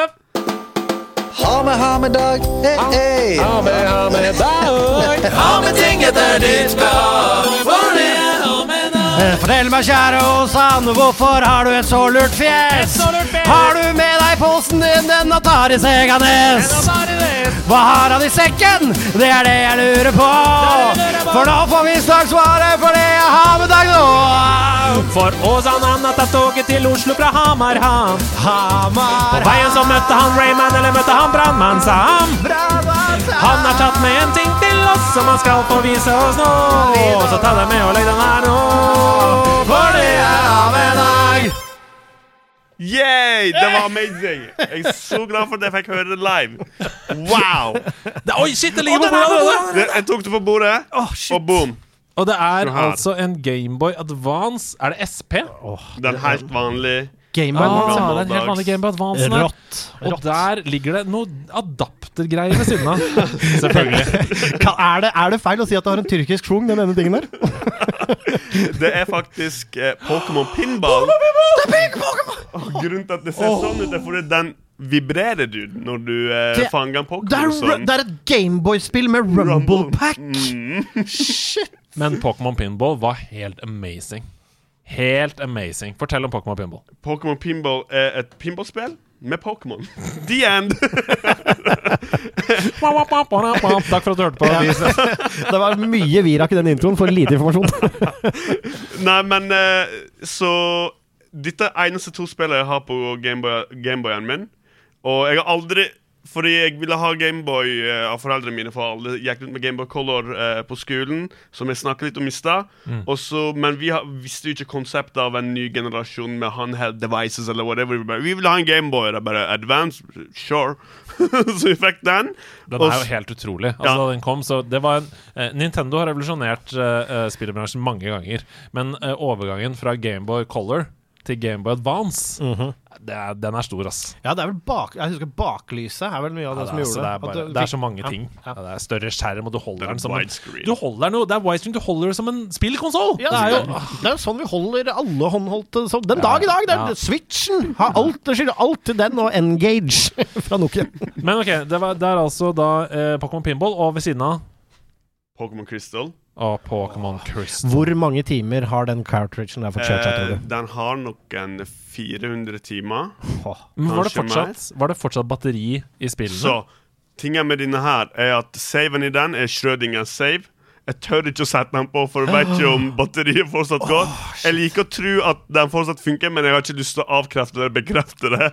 Nei. Så den, eh, den kommer jeg aldri til å sette på igjen. Den bare Og jeg har flytta sikkert 4000 ganger i mitt liv, og den blir alltid med meg. Det er sånn good luck charm. For de som ikke vet det, da. Så i, i Gameboy-spill gamle Gameboy-spill, så var det jo batteri i selve cartridgen. Altså i spillet. Og når det døde, da var spillet dødt. Altså da, da ble saven sletta. Um, så ja. Ja. Tenk på det. Ja, hvis- Spill hadde en utløpsdato. Ja, og hvis dere som har lyst til å lære litt mer om eh, Schrødinger, så kan dere lese om Schrødingers katt. eh, og litt om eh, Den kan både være levende og dø. Veldig spennende teori og tankeeksperiment, så les litt om det. Deilig, filosofi der på tampen. Så ja, så den her er 20 år gammel nå. Hvis den hadde vært en person, så kunne han kjørt, kjørt bil. Kunne drikke hardt brennevin. Ja, kunne drukket hardt brennevin. Og den her, tro det eller ei, vassekte Pokémon Pinball Vassekte Pokémon Pinball-kopi. Ikke noe tull med den i det hele tatt. Gjett hvor jeg har kjøpt den. Tyrkia. Yeah! Ikke det weird? Herregud, altså, altså. Vet du hva? Etter år med Nintendo Sega NES, så redeem Tyrkia seg med en gang med en ekte Pokémon Pimple. Er det, er, har du tatt med noe mer, eller er det det? Det er det. Å, det er fantastisk. Jeg elska denne ha-med-dagen. jeg. En, en god Gameboy Advance på, på tampen er Altså, ikke Man kan ikke be om mer.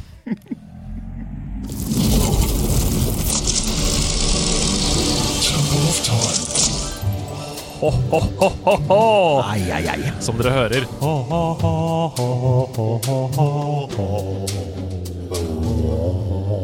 Vi er inne i Temple of Time! Hell to the yes. Som da eh, først oppsto i Ocarina of Time. Det var sikkert noen andre Zelda-spill også. Men i vår versjon av Temple of Time så er det sånn at gjesten hver uke tar med seg ett spill, en tittel på et spill, som da du avslører for en av oss programledere. Og on the spot så har vi programlederne 60 sekunder til å fortelle så mye hard fakta om det spillet som mulig. Eh, og de to andre, som ikke er i aksjon, de gir da 1 til 100 sandkorn basert på den opptreden. Og så er det den programlederen som har høyest gjennomsnittlig antall sånn sandkorn i slutten av sesongen, som får seg noe pølse i du. Eh. OK. Eh, har du hørt på spotten før? Ja. Har du høye forventninger til prestasjonen som skal frem? Mm, ja. OK. Har du bestemt deg for hvem du skal utfordre? Uh, ja. Fyr løs. Hvem skal du utfordre? For deg. Å, det er meg! Åh, fy faen. Vet du hva, dette, den, det, dette er alltid utrolig Dette er en av de eh, frykter, så nå ble jeg letta. Jeg ble, nå ble jeg letta. Åh, jeg var på scenen forrige uke òg. Ja, men det er godt. Det er godt. Du trenger å, du trenger å være litt i ilden. Rett i ilden. OK. okay. Um, Åsan Drøsdal, jeg tror vi ikke skal utsette min smerte noe lenger. Når jeg trykker på play, så sier du tittelen på spillet, og så er det bare lykke til for min del, altså. Lykke til, Andreas. Ok. Among the Sleep. Among the Sleep er et fantastisk spill fra eh, spillselskapet eh, Og det er et spillselskap, det gamle spillselskapet til Jon Cato Lorentzen på Hamar i kollektivet der. Det du spiller altså en, som en baby, rett og slett. Eh, det har også kommet i VR-versjon, men det var ikke det opprinnelig. Du spiller som en baby som er alene hjemme, og du må krabbe, og det er fra babyens perspektiv. Det er et slags skrekkspill. Eh, du må få denne babyen i, i sikkerhet. Du, du opplever masse fantastiske, spennende ting eh, med spillet underveis. Eh, du, du kryper under en kommode, du kommer gjennom et hull i veggen, og etter hvert så opplever du da eh, litt sånn eh, ting som bryter med virkeligheten. Er det en drøm? Er det virkelig? Hva er det denne babyen egentlig opplever? Er det å være alene hjemme, eller hva er det? Spillet eh, ble veldig internasjonalt anerkjent, og, så fikk dette spillselskapet, som jeg dessverre ikke husker navnet på, ut i verden, rett og slett. Um, spillet har kommet i veldig mange forskjellige varianter. Det har blitt oversatt, det har kommet i VR-versjon, som jeg sa tidligere, og det er en helt fantastisk opplevelse. Jon Cato Lorentzen var uh, Among the Sleep. Og hva er det? Det kom i 2009! OK? Ai, ai, ai. Dette er okay. vanskelig. Ja, nå skal det da, Osan, nå skal det bedømmes. Uh, vi skal gi 1 til 100 sandkorn, og vi skal vel ikke google info her, tror jeg, og faktasjekke. Tror vi egentlig bare skal bedømme hvor Krillbite, selvfølgelig. Krillbite. Og vi skjønte at du visste det, Andreas. Det er lov, det er lov med et Nei, men det jernteppe. var, ikke- nei da. Men det var, ikke, det var ikke Jeg sa det ikke. Men du sitter på mer kunnskap her enn meg, så jeg tror jeg begynner før jeg får kunnskap. Fordi mitt inntrykk av dette er bare basert på at ja, jeg har spilt dette. Og det er det tydelig også at du har et forhold til, Andreas. eh, Og jeg tror du også har spilt det. Eh, Du låser deg lite grann denne runden. Eh, Du, du henger deg litt for mye opp i Krillbite, som jeg skjønner at du kan. Der hadde jeg bare gått videre. Men er, Jon Cato Lorentzen nevnes her. Eh, Du setter en god stemning. eh, Du, du, du vet tydelig hva dette er. Jeg syns du kanskje kunne ha gått litt i dybden på allegoriene her. Det var liksom, Er det egentlig noe annet som skjer? Det er ganske tydelig noe annet som skjer, eh, vil jeg si. Eh, Jeg fikk helt noia fordi dette er et spill jeg kjenner. Eh, og ofte så er det sånn bare noe jeg har hørt om eller vet litt om. Men dette så jeg fikk Jeg ble helt fast. Jeg kunne sagt masse ting. Jeg kunne sagt om hvordan man styrer denne babyen. Ikke la han farge deg nå. Ikke la han farge deg nå. Nå prøver han Ja. veldig nei, nei, nei, nei, nei, ingen helst måte. Jeg, jeg, jeg forsvarer ikke min opptreden. Jeg bare sier at dette var, dette var dårlig. For her burde jeg vært bedre, syns jeg. Ja, for det var litt det jeg skulle si. Det var tydelig at dette er et spill du har spilt, men det, det, lå- det låste seg rett og slett på oppløpssiden. Så for meg så blir dette 55 av 100. Oi, oi, oi. 55 av 100. Ja, det, er, okay. det er knallhardt. Nei, vet, du hva? vet du hva? 59 av 100. Fordi det var, eh, fordi det var tydelig at du visste Krillbite, og jeg vet hvordan det er med jernteppe, så jeg runder det opp til Ja, en det jevn forklarte jo hva spillet går ut på. Du er en baby Ja, og og, og, vet, vet, vet du hva, jeg, jeg tenker meg om jeg, jeg, jeg skal ikke være så kjip, fordi det er viktig å være litt eh, raus også. 60. Du får 60 av 100. Du får 60 av 100. Ok, Åsan. hva, hva mangla for deg? Ah, dette? ok, Så du glemte å nevne Teddy, som er en Ah. ganske stor del av spillet. Eh, du Det er jo hele poenget! Ja, ja. På jakt Teddy er en veldig bra karakter. Ja, Eh, så bommer du litt på utgivelsesdatoen. Kom ut 2014. Ikke bra. Det var voldsom bom Ja, òg, da. fem år. Fem år. Måtte bare kaste ut et tall på slutten her. Å nei, eller tenk om jeg tar feil? No, no, det Nei, det var riktig. Jeg tror det var 2014, faktisk. Jeg sjekka det sånn kjapt her nå. Ok, Og jeg tror ikke det noen gang kom en VR-versjon. Du kunne prøve den, men jeg tror ikke den noen gang kom. Ok. Den hadde en VR-versjon, men jeg tror, eh, jeg tror ikke den kom ut til slutt. Du skal være glad for at jeg allerede har gitt poengene mine, Andreas. Fordi hadde jeg hørt dette, hadde jeg hørt dette først. Men vent, da. 26. mai, uh, 26. mai 2001. Among the Sleep VR er et VR-spill som er tildelt masse penger fra Norsk Filminstitutt. De, de, hvis det ikke kom ut, så har de et kjempeproblem. Nei, det har de vel ikke. Norsk Filminstitutt. De deler ut penger. Det er kjipt for Norsk Se! Filminstitutt. Det står jo her! Ja, ja, ja, men det betyr jo ikke at noen har spilt det for det. Altså, Jeg kan også lage en internettside hvor det står Supersebs uh, kjeller VR. Betyr ikke at det er ute. Jeg kan til og med få penger av Norsk Filminstitutt. Det er ikke et spill for det. Ja, ok, ja, nei. Hvorfor det har de fått av Norsk. Filminstitutt uansett? Ja. Spillbransjen ligger under NFI. Ok, Jeg veit det, men kall den en sfi, da. Faen, altså. Det litt mer tilgjengelig for folk. Ok, nå må vi få en dom. Eh, Hva? eh, eh, eh, jeg er enig. Men du visste masse om spillet. Du, spil, du eh, visste hvordan det starta, hvordan det utviklet seg. Du nevnte Jon Cato. Kom ikke på navnet til selskapet, dessverre. Jeg, eh, jeg tror jeg er enig. Jeg gir deg 60 poeng. Ah, 60 av 100 der, altså, på Andreas Hedemanns opptreden i Temple of Time. Vet, vet du hva? Bare sånn med tanke på opptreden. Jeg er fornøyd, da. Ja. Jeg er fornøyd. Vær fornøyd. Snurullen! Mitt navn er Andreas Hedemann, og dette er Nerdenytt. I forrige uke lekket hele kildekoden til Twitch på nett, inkludert detaljer om hvor mye forskjellige streamere tjener, og det viser seg at det i høyeste grad er mulig å leve av tjenesten. Den enkeltstående streameren med høyest inntekt er XQC, som har tjent tett på 85 millioner kroner de siste tre årene. Den enorme 125 gigabyte store filen ble lastet opp til 4chan, og selvsagt lastet ned tusenvis av ganger. Målet med lekkasjen skal være å så mer splid og skape konkurranse i streamingverden, ifølge hackeren som står bak lekkasjen. Men hva betyr dette for deg og meg? Først og fremst så er alle såkalte streamkeys automatisk oppdaterte, slik at du må bytte ut disse dersom du skal streame. Men det første du må gjøre, er å skifte passord, min venn. Deretter skrur du på tofaktorautorisering, altså et system der du må bruke eksempelvis en kode fra mobiltelefon i tillegg til passord for å logge inn. Og uavhengig av denne saken så anbefaler vi i Nerdelandslaget på det sterkeste at du benytter deg av tofaktor på alle nettsider der det er tilgjengelig. Sora, kjent fra Kingdom Hearts-serien, har vært favoritt hos bookmakere verden over til å bli en fighter i Super Smash Bros. Ultimate, og i forrige uke ble det bekreftet Sora kommer til Smash. Sora slåss selvfølgelig med keyblade og magi og kjører komboer som om han aldri har gjort annet. Sora blir altså en dodgete, mobil, lett fighter og blir tilgjengelig i Super Smash Bros. Ultimate den 18. oktober, enten via Fighter Pass 2 eller som en frittstående figur. Og med det kommer det ikke mer innhold til spillet, som har fått jevnlige oppdateringer siden det kom i desember 2018. Men hva nå? Går det an å lage et nytt Smash etter det ultimate Smash? Smash Ultimate?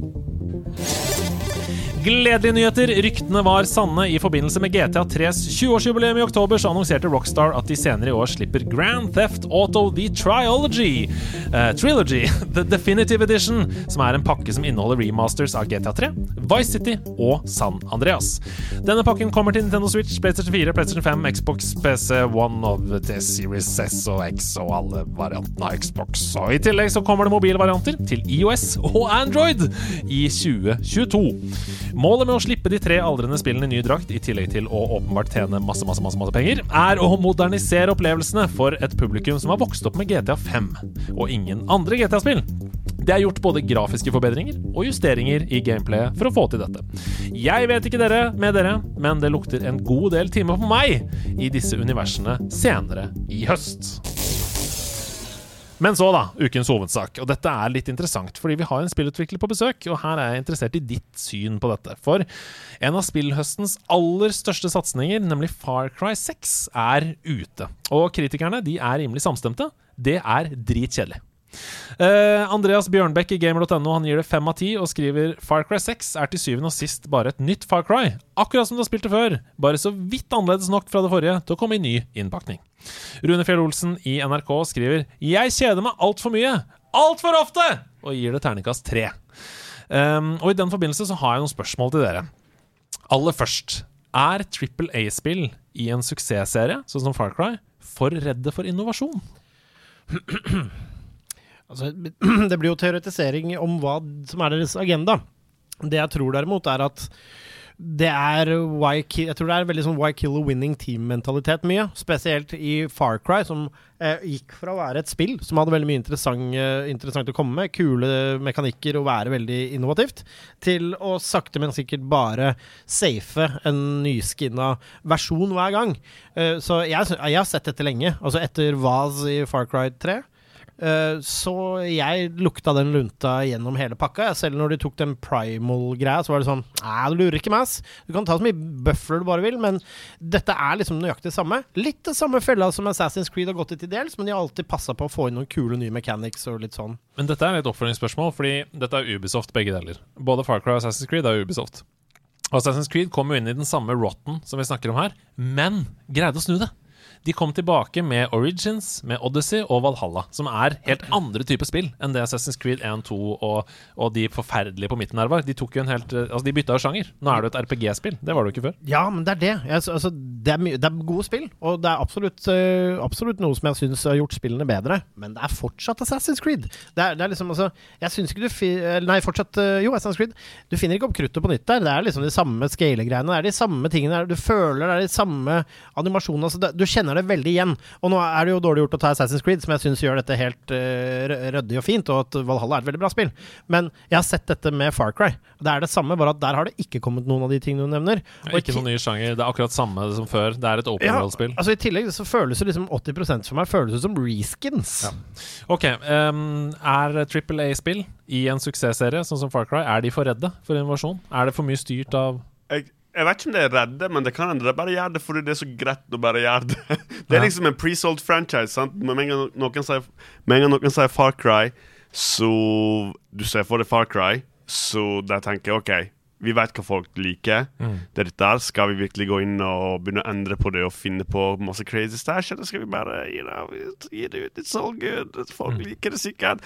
Selv om de får treer og, alt sånt, og jeg er ikke noen Far Cry-spiller, så kommer de kommer sikkert til å tjene greit på det spillet, selv om, selv om folk flest sikkert syns det er kjedelig Eh, hvis de har spilt masse Far Cry før. Ja, det som jeg syns er så trist, er jo at uh, Far Cry 3 Blood Dragon, som var en delsett i Far Cry, uh, var jo noe helt annet. Altså De tok jo 1000 sjanser. Det var en sånn neondrøm av et spill hvor du skøyt på robotiserte dinosaurer med laser ut av øynene og sånn. Altså Det var jo uh, masse sjanser og noe helt nytt og friskt sånn. Hva har skjedd? Ja, altså Det var jo et tydelig over overskuddsprosjekt, inspirert av mange kilder, og det hadde visstnok ligget der. Og jeg tror det var flere der som ønsket at det skulle være en hovedtittel, har jeg i hvert fall lest et sted. Mm. At det skulle være Men det sa de nei til, men at de fikk forhandlet inn som en liksom, massiv delelse. da Og det var helt fantastisk, som vi sier. Mm. Men igjen, det var også Far Cry i ny mm. skin, men der var det liksom Det var nye fiender. Ja, de skyter andre typer prosjektiler, eh, men fortsatt. Ja. Ikke sant? Så det er lett, litt det jeg føler med Far Cry. At uh, Spiller du det nye Far Cry da uh, som ditt første Far Cry, så tror jeg du syns det er dritbra. Ja, ikke sant. Ok, eh, nå er du kanskje uenig i premisset for mitt neste spørsmål, men premisset mitt er at Assassin's Creed har gjort en vellykket forandring, og nå er en et kjempebra spill igjen, etter noen spill som var helt ræva på et tidspunkt. Jeg er ikke helt uenig i det. Det jeg mener, er ikke at de, det er et veldig bra spill. Jeg likte Valhalla godt, og jeg hadde ikke Assassin's Creed-fatigue, men jeg merker veldig godt ja. at det er Assassin's Creed. Er mitt poeng. Men nok av det! poenget mitt er at Det er veldig rart for et nyhetsanker i debatten. hva trenger Far Cry-serien nå for å ta en Assassin's Creed? Og sånn. Hva, hva, trenger Far Cry å tilføre til oh, universet sitt? Når det lenge siden jeg har spilt Far Cry, er det jetpacks i Far Cry? På ingen som helst måte. De trenger jetpacks. ja, fordi, ikke sant Terga seks. Hvis, hvis, du sammenligner Far Cry med uh, Just Cause, da, for eksempel Just Cause har jo ingen grenser. Du kan jo fly på biler og kjøre jetpack og wingsute deg gjennom bilvinduer og Ikke sant? Der er det ingen grenser igjen. Må, kan man tilføre noe mer crazy, kanskje, til Far Cry-universet? Jeg t- kanskje jeg tipper altså Bare sånn off the top of my head så tenker jeg sånn, kanskje less is more i Far Cry. Altså, det er veldig narrativt sterke karakterer ofte. Syns ofte teamet der skriver gode villains og, og ganske sånn interessante liksom, samfunnskritiske ting. Så kanskje less is more. Men hadde jeg hatt svaret, så hadde jeg ikke visst. Men jeg tenkte jeg skulle foreslå kanskje man kunne porta det ned i 8-bit igjen, og liksom fått Ja. ut Men kanskje mindre map er en, er en greie, istedenfor bare større hele tiden? Ja, Mer det, fokusert opplevelse, liksom? det forrige kjøpte jeg når det kosta en slikk og en ingenting, og koste meg noen timer i det, for det var lenge siden jeg hadde spilt sist. Og veldig bra bad guy, syns jeg, i motsetning til mange andre som hater han. Men det er som uh, hiver meg på Rune Fjell. Det er for mye som er kjedelig, rett og slett. Ok, siste spørsmål, uh, og kanskje det største av de tre jeg har skrevet opp her. Dette er bare min mening, eh, og så får, dere, så får dere se om dere er enige. Jeg har bare For spill med det går jo i bølger, ikke sant? Det er noen noen ganger så er noen sjangere populære og sånne ting. Og jeg vil påstå at Open World har vært en av de mest dominerende Triple A-sjangerne i moderne tid. Um, investorer ser penger når de ser Open World, med masse objectives på kartet og masse du kan gjøre og sånn. Men begynner The Age of Open World å nærme seg slutten?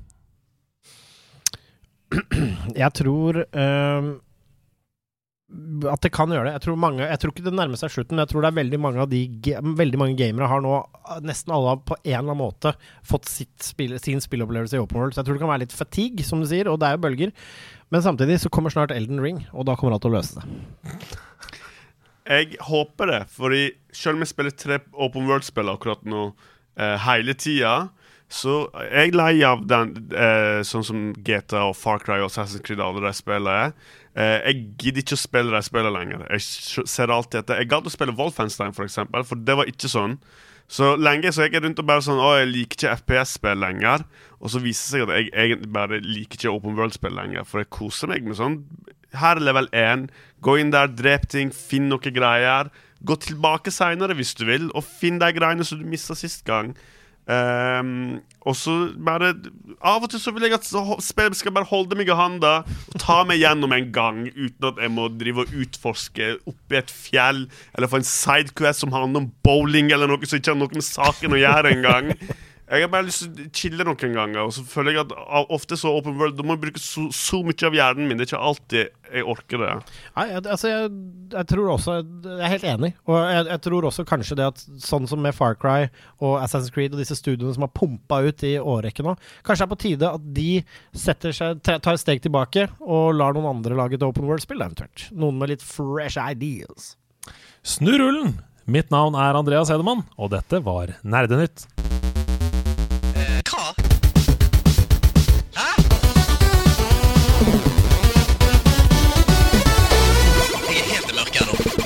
Stian Blipp er helt i mørket her nå, men er dere helt i mørket der dere sitter? Det er det store spørsmålet vi stiller oss her i Bit for bit. Og før vi gikk inn i studio her, så sa Åzan dette er spalten jeg gleder meg aller mest til. Uff. Her, her, er, her frykter jeg at jeg kan bli knust, altså. Jeg, jeg gjør det. Sebastian Brynestad er ubeseiret i Bit for bit, men blir han, forblir han ubeseiret etter i dag? Det er spørsmålet. Åzan, vet du hva det går ut på? Eh, vi skal gjette hva sang det er, basert på noe musikkgreier. Så Du er så nære som du kan få bli. Um, har du noe, hva er din erfaring med spillmusikk? Bruker du mye tid på det? Er du glad i spillmusikk? ja, jeg hører på spillmusikk når jeg skriver, for det har ikke lyrics. Så eh, da, da hører jeg på spillmusikk. Jeg elsker musikken til Bastion. Jeg hører på det hele tida. Begynte å høre på Hades-musikken nå.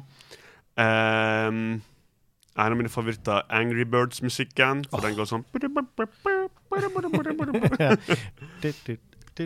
Ja, jeg, jeg hører masse på spillmusikk, og jeg jobber masse tett med musikken vår når eh, vi lager våre egne spill òg. For jeg har som regel en god idé av hvordan jeg vil ha det. Jeg skjønner. Um, det jeg mente da jeg pekte ut i lufta til alle dere lyttere som nå lurer på hva jeg gjør jeg, Det ble, ble liksom stille et minutt der, og det var fordi jeg holdt på med teknikken. Jeg holdt på å skru på kameraet, og det jeg mente med å peke ut, var Nå må du fortsette intervjuet, Sebastian! Ikke, oh, ja, jeg, du, ikke sett deg jeg nærmere. jeg har sett deg nærmere. Det var det internasjonale tegnet for å sette deg nærmere. Og jeg bare Korona er over. Jeg har det klikka for deg, eller hva skjer? Du kan sette deg tilbake. Men, okay, eh, men nå er det for seint å fortsette intervjuet. Så til alle dere hjemme, dette var journalistisk svak inngripen av meg. Programledermessig svakt, og, og jeg trekker eh, jeg, jeg tar, jeg tar på meg skylda der. Her kommer første oppgave Okay. første ledd. Husk å rope navnet deres okay. når dere vet okay. hvilket spill det er vi skal frem til.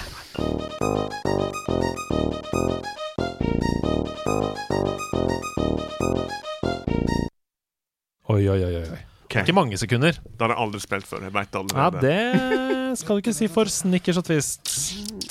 Nei, der står det bom stille. Her blir det bare rein gjeting. ja. Men du kan ikke sitte så langt unna mikken og Nei, nei, nei, nei, ja, men jeg går i tankeboksen. Jeg vet. Eh, Det, er hjelper ikke å synge det dårlig heller. du?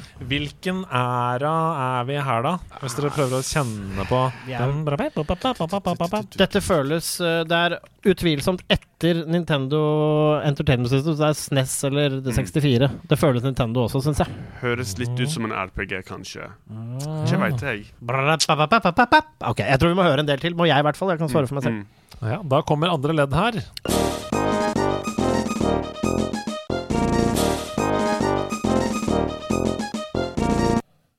Ja, fikk ikke så mye mer å gå på der. Det var litt Åsa? flere sånne Å Er det Rayman? Å, nei, det er ikke Rayman. Men uh, du, er, uh, du er altså utvilsomt i riktig eh, periode, vil jeg si. Mm. Ok. Ja, hva tenker du? Nei, altså, jeg har, jeg har fortsatt Er du fortsatt eh, Vil dere ikke drodle noe? Hva, Jo, hva, dette er jo en drodleoppgave. Hva hva? gir dere? Altså, hva, musikken, hva gir Er det eventyr? Er det fighting? Er det Du flyr, høres, høres ut som noe som flyr.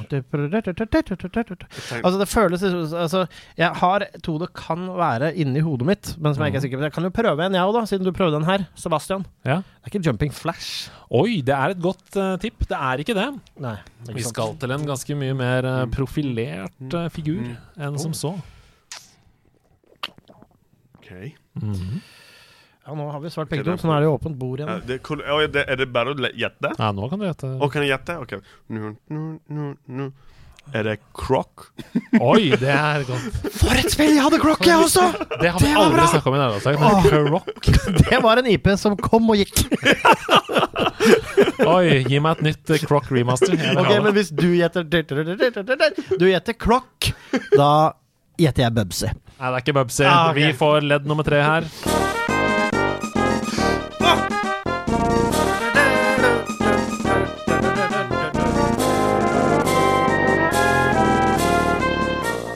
Det er så høytidelig.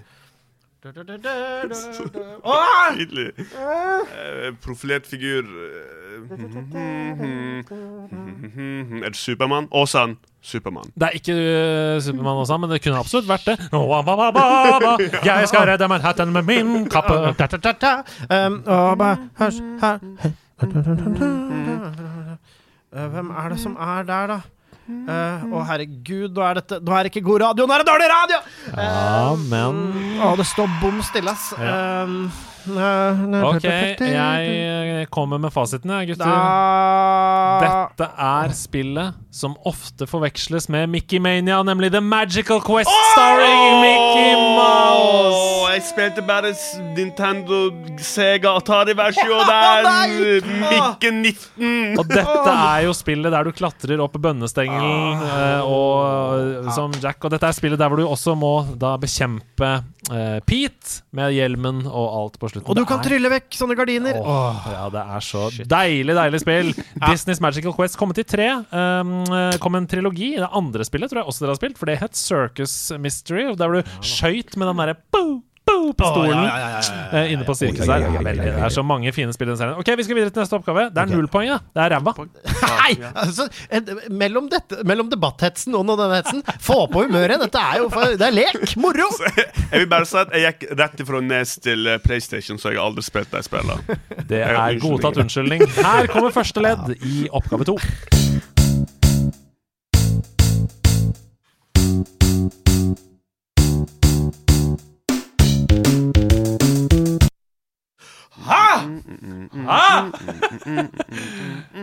Oi, oi, oi.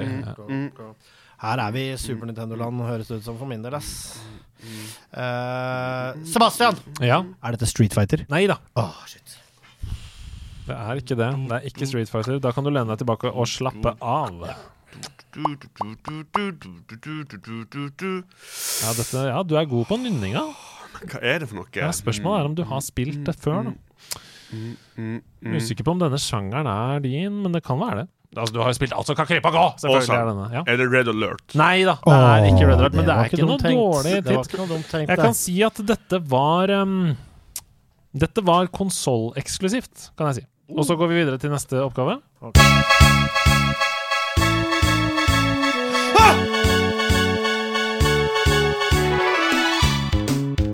Sebastian! Fall Fantasy. Nummer Final Fantasy 7! Nei. 10! 10! Ja! Ja! Ja! ja!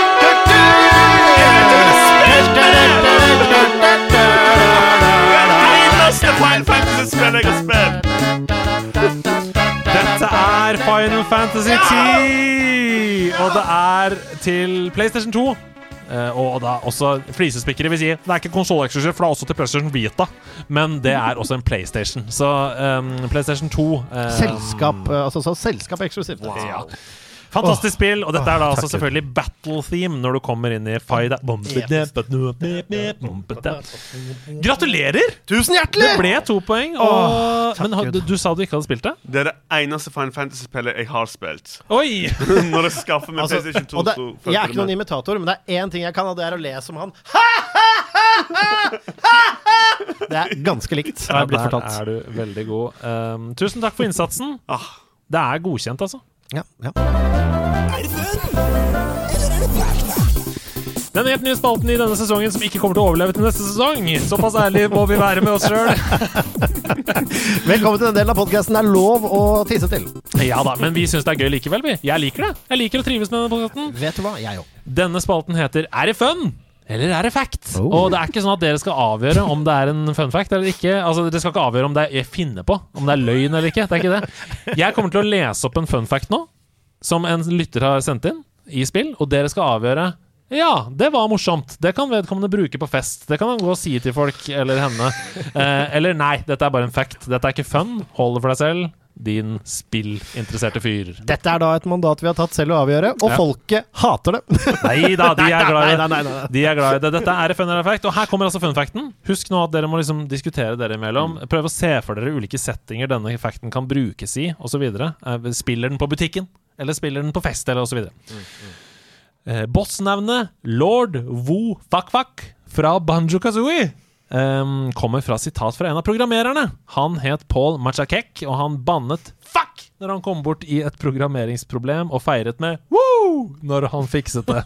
Og derfor fikk altså denne eh, bossen tittelen lord Woo Fuck-Fuck. Eh, det er Ole Kristian som sendte inn det. Ja. Ja, altså, Ole Kristian, dette vil jeg utvilsomt si at er, eh, er Altså, i det rette miljøet en fun fact. Men i feil miljø så er det knapt fact. Eh, Ja. Altså, om du skjønner hva jeg mener. Altså, hvis du drar på denne her i feil sosial setting, så tror jeg ikke nødvendigvis folk går mann av huset. Men hvis eh, du har gamervenner, som jeg antar at du har, og spesielt altså i dette rommet her, eh, hvor det er Banjo Kansui-entusiaster ja, du lo jo. ja, absolutt fun fact. For meg, fun fact. Men legg det der. Har, har du spilt uh, Banjo Kazooie? Ja. Eh, det er veldig eh, morsomt at du nevner det, Fordi der har jeg totally 200 av 200 på gamerscore òg. På Xbox-versjonen. Og det var, det var faktisk Det kunne jeg sagt når du spurte meg i stad, for det var, det var slit. Ja, det det- hata jeg. Oh, ja, ja. Men husker du lord Wo Fak Fak? Nei. Nei. Jeg husker ikke Eh, det. Men hva syns du om fun facten? fact? mitt problem med den fun facten var jo at den tok veldig lang tid. Og det var veldig mange løse deler som måtte liksom Hei, Ja. visste du at den det, og han Og da var det en programmerer, og han sa det. Det tar litt tid å forklare den. Ja, så det må, være, du må være et stille rom, i hvert fall. Når du, Det du kan være ikke- formulert annerledes òg. Du vet den bossen i, i Banjo Kazooie, lord Fuck? Den kom fordi programmereren sa wow, når han klart et problem, og fuck ja, I, I det du fremfører det sånn, så er det i hvert fall ikke fun fact. okay, de, de nerde strides her. Det er mye bedre spalte! Den kommer neste, den kommer neste uke. Så du, du, du caller fun fact, Ja, ikke nå lenger. og så Fact. Altså, det er en eh, fun fact, men jeg bare føler det må, det må være i veldig riktig setting. Hvis du er på Banjo Kazooie-kon, og det er helt stille Men der, er, I der, fem veit, minutter. der veit alle det! Ja, alle vet allerede det! Det er ikke vitsen der engang! Det må være eventuelt på liksom Det må være på initiation-seremonien til Banjo Kazooies intermediate fanklubbmøte. Eventuelt! Og der kommer han til å sitte som dritt i kram snø! Er den, du må lære den for å få lov til å være med i klubben. Det er det hemmelige. Det er det secret password. Password, please. Sånn? Visste du at den programmereren din har lord fuck, fuck, fuck, fuck, fuck, fuck, og en programmerer som er så sur, og så tok han fuck, fuck, fuck, fuck, fuck. Og det var You way Og Vi skal videre til korktavlen, vi, mens guttene ler fortsatt etter Lord Wofakak i forrige spalte. Uh, um, Hallo der, jeg kommer med en viktig beskjed til korktavlen, og det er at New World kan ta livet av ditt RTX 3090 eller 3080-kort. Uh, wow. Uh, og det under den verste mangelen på grafikkort vi har sett i moderne tid. Um, det er for det meste EVGA-produsenten, altså produsenten av 30-seriekort og Gigabyte 30-seriekort som har strøket med, men også grafikkort fra MSI, Sotac med flere har måttet gå tapt. Det skal ha vært ødelagt et mindretall av 20-seriekort fra Nvidia også, og AMD-kort, noe som peker på at det er Amazon som har gjort noe feil her. Så her kommer et tips til deg for å beskytte deg selv. Eh, tusen takk for dette. Det er Ukultur som har sendt inn. Dette er veldig bra. Ja, viktig. Gå inn på grafikkortet og sett power limit på under 100 eh, Temp limit ca. 5% under maks eller mer. Og fjern all overklokking som du har aktiv.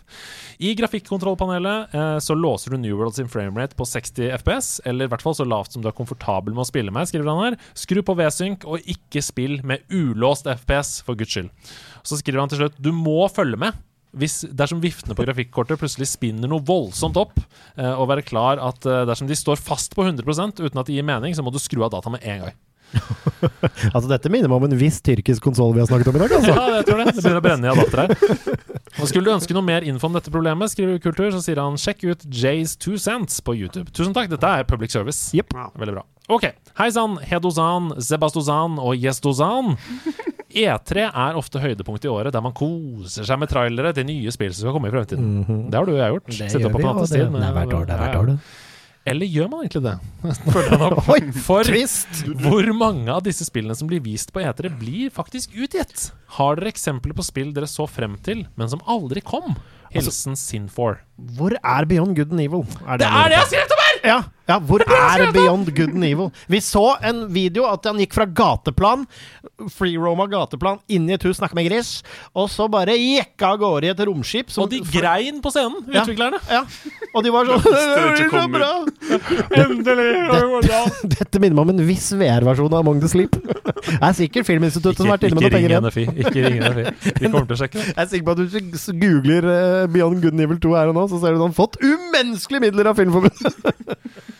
Ja, nei, fordi det jeg har skrevet er jo at um, Beyond Good and Evil 1 Det kom jo i 2008. Ja. Og etter nesten ti år da hvor vi ikke hadde hørt noen ting, så kom plutselig annonsementen ut av ingenting på E3 i 2017.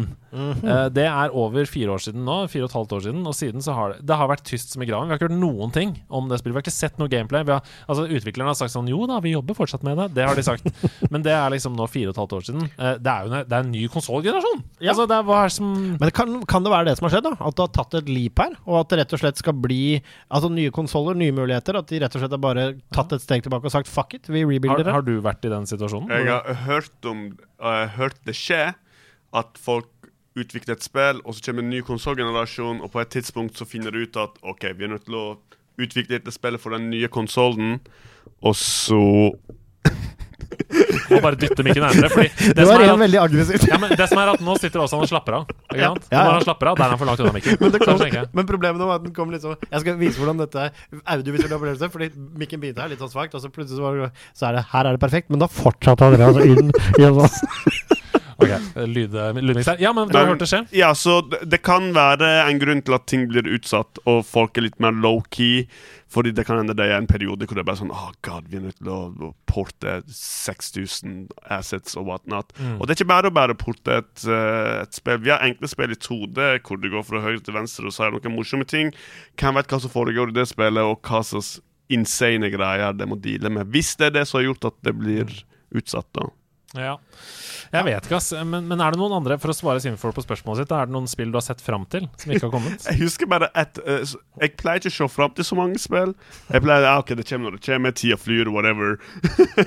det pleier å komme. Men uh, i starten av 360-perioden så så jeg trailer for et spill som heter Og dette spillet sikkert ingen har hørt om. Det var et spill som heter Eight Days. Og det var, det om uh, en Det var et skytespill. Det ligna egentlig på um, det spilles Stranglehold. Var det et spill?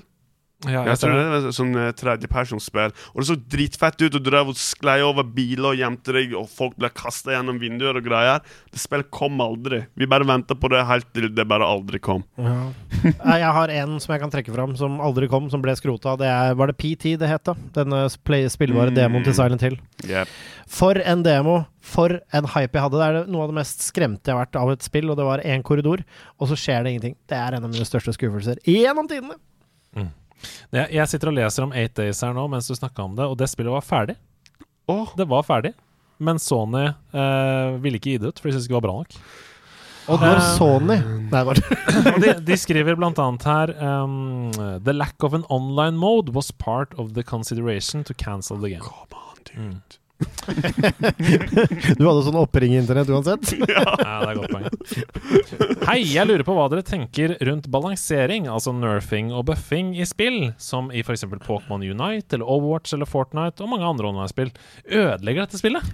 Eller blir det bedre for folk som er nye til spillet? Hilsen Evy Dekker. Jeg har en 100 formening om det. Jeg mener at et spill nå av den typen, og prisen det er, og det man spesielt i online-spill, da, så forventer man en utvikling. Og straks man skal ha nye karakterer, nye ting som skal skje, nye funksjoner, og det skal føles fresh, så er du nødt til å gjøre balansering av karakterer. Jeg mener du kan absolutt nerfe i stykker og buffe i stykker spillet ditt, men spill som, og, så utviklere som har det som en agenda, og hele tiden har et spill i utvikling, så tror jeg det er en helt sånn livsnødvendig ting. Og jeg setter også veldig pris på det.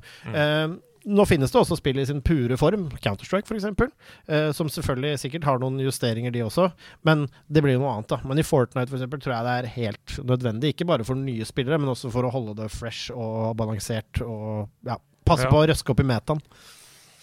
Jeg er helt enig. Det er en blessing at noen spill funker sånn som de gjør. Noe sånt du kan drive og fikse på det på etterkant. Hvis ikke så eh, ender du bare opp med et OK, for eksempel før, da. Da gikk ikke noen noe patchespill. Eh, hva skjedde på Golden Eye? Det var bare ikke lov å spille som oddjob. Ja, de fikk aldri verken nerfa eller bøffa noen. Det kom bare ut, og så måtte du finne på dine egne regler. Du måtte utvikle spillet for spilleren. Du måtte liksom banne oddjob. Og da Local kast- band, ja. Vi skal jo ha en gamingaften på stream, vi tre, og da hiver jeg på Golden Eye, oddjob, Slappers Only. Ja, ja. Slappers only. Uh, for å være litt djevelens advokat her, for jeg er jo helt enig i det dere sier. Um, men hva med de da, som har brukt uh, 100 timer på å perfeksjonere sitt gameplay i en karakter, f.eks. Mercy i Overwatch, og spiller på en måte som gjør at du kan resse hele laget med hennes ult, og så fins ikke den ulten lenger! Hva med dem, da, dere? Ja, men da mener jeg at liksom i, Det er jo Altså, ja, i, i proff og så er det selvfølgelig i spill generelt. Jeg skjønner veldig godt det, og jeg har vært med, med på det sjæl også, at metaer forandrer så det jeg har blitt god på, ikke er bra nok lenger. Men jeg syns at det er en mentalitet som burde egentlig avle mer at man tør å eksperimentere. At Ja. man tør å ha flere bein å stå på. Uh, fordi det er, så lenge du vet at det er et sånt spill Det er noen spill som er 'dette er det du får', og sånn vil det alltid være, og sånn har det alltid vært. Men i et spill som Overwatch, som er i utvikling, så syns jeg det egentlig bare er bra at det avler, uh, avler on the go. Hei dere, jeg så at RTS-spillet Dwarfheim, laget av norske Pineleaf i Trondheim, endelig har blitt lansert i ferdig versjon. De har hele veien sagt at de skal få til bedre lagsamarbeid ved å fordele oppgavene i spillet blant spillerne. Men online multiplayer-miljøet er jo notorisk for toxic kultur med mye skitkasting. Hva skal til for å bygge godt samarbeid mellom ukjente folk i et online-spill? Hvordan tenker dere utviklere kan legge opp spill, gevinster, matchmaking osv. for å hindre toxic miljø? Hilsen Daniel. Det er allerede fikset, og det heter Nerdelandslaget på Discord. Oh, ja. Eh, Et eh, herlig lite community du kan hive deg inn i. Ja, men nå var jo spørsmålet mer fra spillutviklernes perspektiv. Ja. Altså, hva, hva kan man gjøre av gevinster, eller hva kan man gjøre for å, for å um, sørge for at uh, spillerne blir minst mulig toxic mot hverandre? Jeg syns Overwatch, for å trekke det tilbake, er inne på noe med endorsements, som du kan gi etter en match, f.eks. Altså, det er i sin pureste form, men der kan du gi hverandre skryt på en eller annen måte. Og det som er, som jeg har lagt merke til, det er ofte at For det går jo fra én til fem, det systemet. Og det er eh, påfallende at de som har én og to, er forferdelige. Mens de som har tre, fire, fem, er prøver samme Man kan godt tape, liksom, men de prøver i hvert fall. Det er ikke sånn at de går i lås og bare løper inn i fienden og står sånn og sier heia, heia, heia, heia i spawn helt til du bare dør, liksom. Altså, de som har høy endorsement level, de eh, trenger ikke å være bedre enn de andre, men de gjør i hvert fall sitt beste. Ja, og så, og så tror jeg jo at toxic miljø er noe du aldri vil bli kvitt. Eh, Jeg tror det samme med mobbing. Det er noe i naturen til noen folk, eh, og det kan være av ymse grunner, som gjør at det finnes rasshøl i alle samfunnslag. Og sånn er det. Men jeg tror at eh, med noen sånne småting som det, som kan løse de små Altså de salte toppene, de sånn ah, you noob, get, get off server kid, altså sånne ting. De litt mer snille greiene. Men jeg tror også et sånt et enkelt report-system, da, eksempel. Det tror jeg tar mye av toppene der. Og så tror jeg til syvende og sist at folk bare får lære seg å være litt ståla i ryggen og get off the server eller get off the game, hvis det bare er helt gjennområttent. Eller finn deg noen på Discord-serveren, nerdelandslaget, og spill med venner. Hva tenker du da, spillutvikler? Hva har du lyst til å implementere i ditt spill for at folk skal være ålreite mot hverandre? Det er veldig vanskelig For jeg spilte nok et spill jeg ikke engang nevnte. Jeg hadde en league-periode ja, i, der, ja. eh, i Kanskje starten. det mest toxic spillet som Ja, fins. det toxiceste spillet som fins. Jeg spilte det hele tida. Spilte ranked og var liksom, hadde mitt eget team og sånn. Og der er folk så toxic, og så syns jeg og så prøver liksom Wright prøvde hele tida å legge det bare så, OK, kan vi legge dette her? Er folk greiere nå? Kom, du trykker på en liten knapp, og så kommer det en liten smiley. Er det, er det nok? Og så bare Nope, folk er fortsatt frikt. Og så neste person sånn OK, nå er det lettere å reporte folk, og vi har banna masse folk. Jeg bare, oh, God, jeg vet ikke hva jeg skal gjøre med dette her. Og jeg har sett på det, og og, og, da, liksom, og jeg har tenkt på det. Tenkt, det hva skal man egentlig gjøre? Og ja. Jeg, kanskje bare en lett måte å mute folk på, for det var det jeg, jeg pleide å gjøre. Bare Ja. mute deg. Ja, Og så tips. spiller vi bare Ikke gameplay, bare. Ja, bare mute uh, hvis du ikke har lyst til å høre på noen. Og, for da kan dere fortsette å spille til og med eh, med den nye regelen du nettopp fant på, som jeg, 'jeg hører ikke på det du sa. Altså Eventuelt så kan du jo lage et spill sånn som du har gjort med Manual Samuel, med en co-op-versjon der som gjør at det er designa for å både lese i hjel, men også hate hverandre fordi det var din tur til å blunke, liksom. Hallois til alle legendene som måtte befinne seg i studio. Åh, smigrer. Når dette spørsmålet tas opp på korktavla. Har dere spilt noen gode mobilspill i det siste? Selv har jeg spilt Builders Journey, som er et fantastisk puzzlespill fra Lego. eh, Og det anbefaler jeg på det sterkeste. Det er zen i en hektisk hverdag. Måtte kjøttet gå for alltid! Hilsen Andreas. Eh, Kjøttet går. Ja. Jeg har ikke spilt noe som helst på mobil i det siste. Jeg har hatt eh, et veldig gammelt mobil veldig lenge, som jeg ikke har spilt på i det hele tatt. Eh, så fikk jeg en ny mobil for første gang på veldig lenge nå nylig. Har ikke putta Har ikke sjekka ut spillene i den, egentlig. Pokémon Go er det det har gått i sånn er mobilmessig, og det kommer bare det er bare av og til eh, jeg sjekker det ut. Kan, kan nevne at eh, det eneste mobilspillet som jeg virkelig tar opp, og som har fulgt meg, og som jeg har nå, det er Heartstone. Mm. Det Og det er jo et fantastisk mobilspill, men det føles jo ja, ja. Eh, Ja det, er, ja, det er et mobilspill, og det er et av de beste mobilspillene, men det er jo enda bedre på desktop. For da har du bedre tid, du kan sitte Du kan dra i kortene med muspekeren din. Jeg spiller utelukkende omtrent uh, på mobil, og Ja. har alltid gjort det. Og altså, ja, jeg er jo enig, jeg har spilt begge, men det er perfekt på mobil. ja, det er det. Jeg syns fortsatt Jetpack Joyride er et helt magisk mobilspill. Eh, Jetpack Joyride, er en endless runner, akkurat sånn som mm. Temple Run, for eksempel. Bare at eh, det er jo en tegnefilm, altså det er en tegneserie. Uh, og du kan oppgradere karakterene dine med helt sånn utrolig gøyale upgrades underveis. Og det er masse achievements hele What? tiden. Og jo mer du spiller, jo bedre blir du. Og det er ikke sånn at du begynner på nytt hver gang med null. Altså Du blir bedre jo mer du spiller. Og du får Så jeg runda det. Uh, altså de ikke kan oppgradere mer, da. På iPad på et tidspunkt. Uh, det er lenge, veldig lenge siden, men nå har det kommet masse nytt innhold til det. Du kan bl.a. ri på drager gjennom, og det er helt uh, eh, Så det er veldig veldig verdt å spille på mobil. Jetpack Joyride anbefaler det på det grøvste. Snakkes om 800 timer. Wow, ja, men, så det er et tegnefilmspill som er kind of som en roguelite med masse achievements. Og Endless Runner, da, på en måte. Jeg må gå.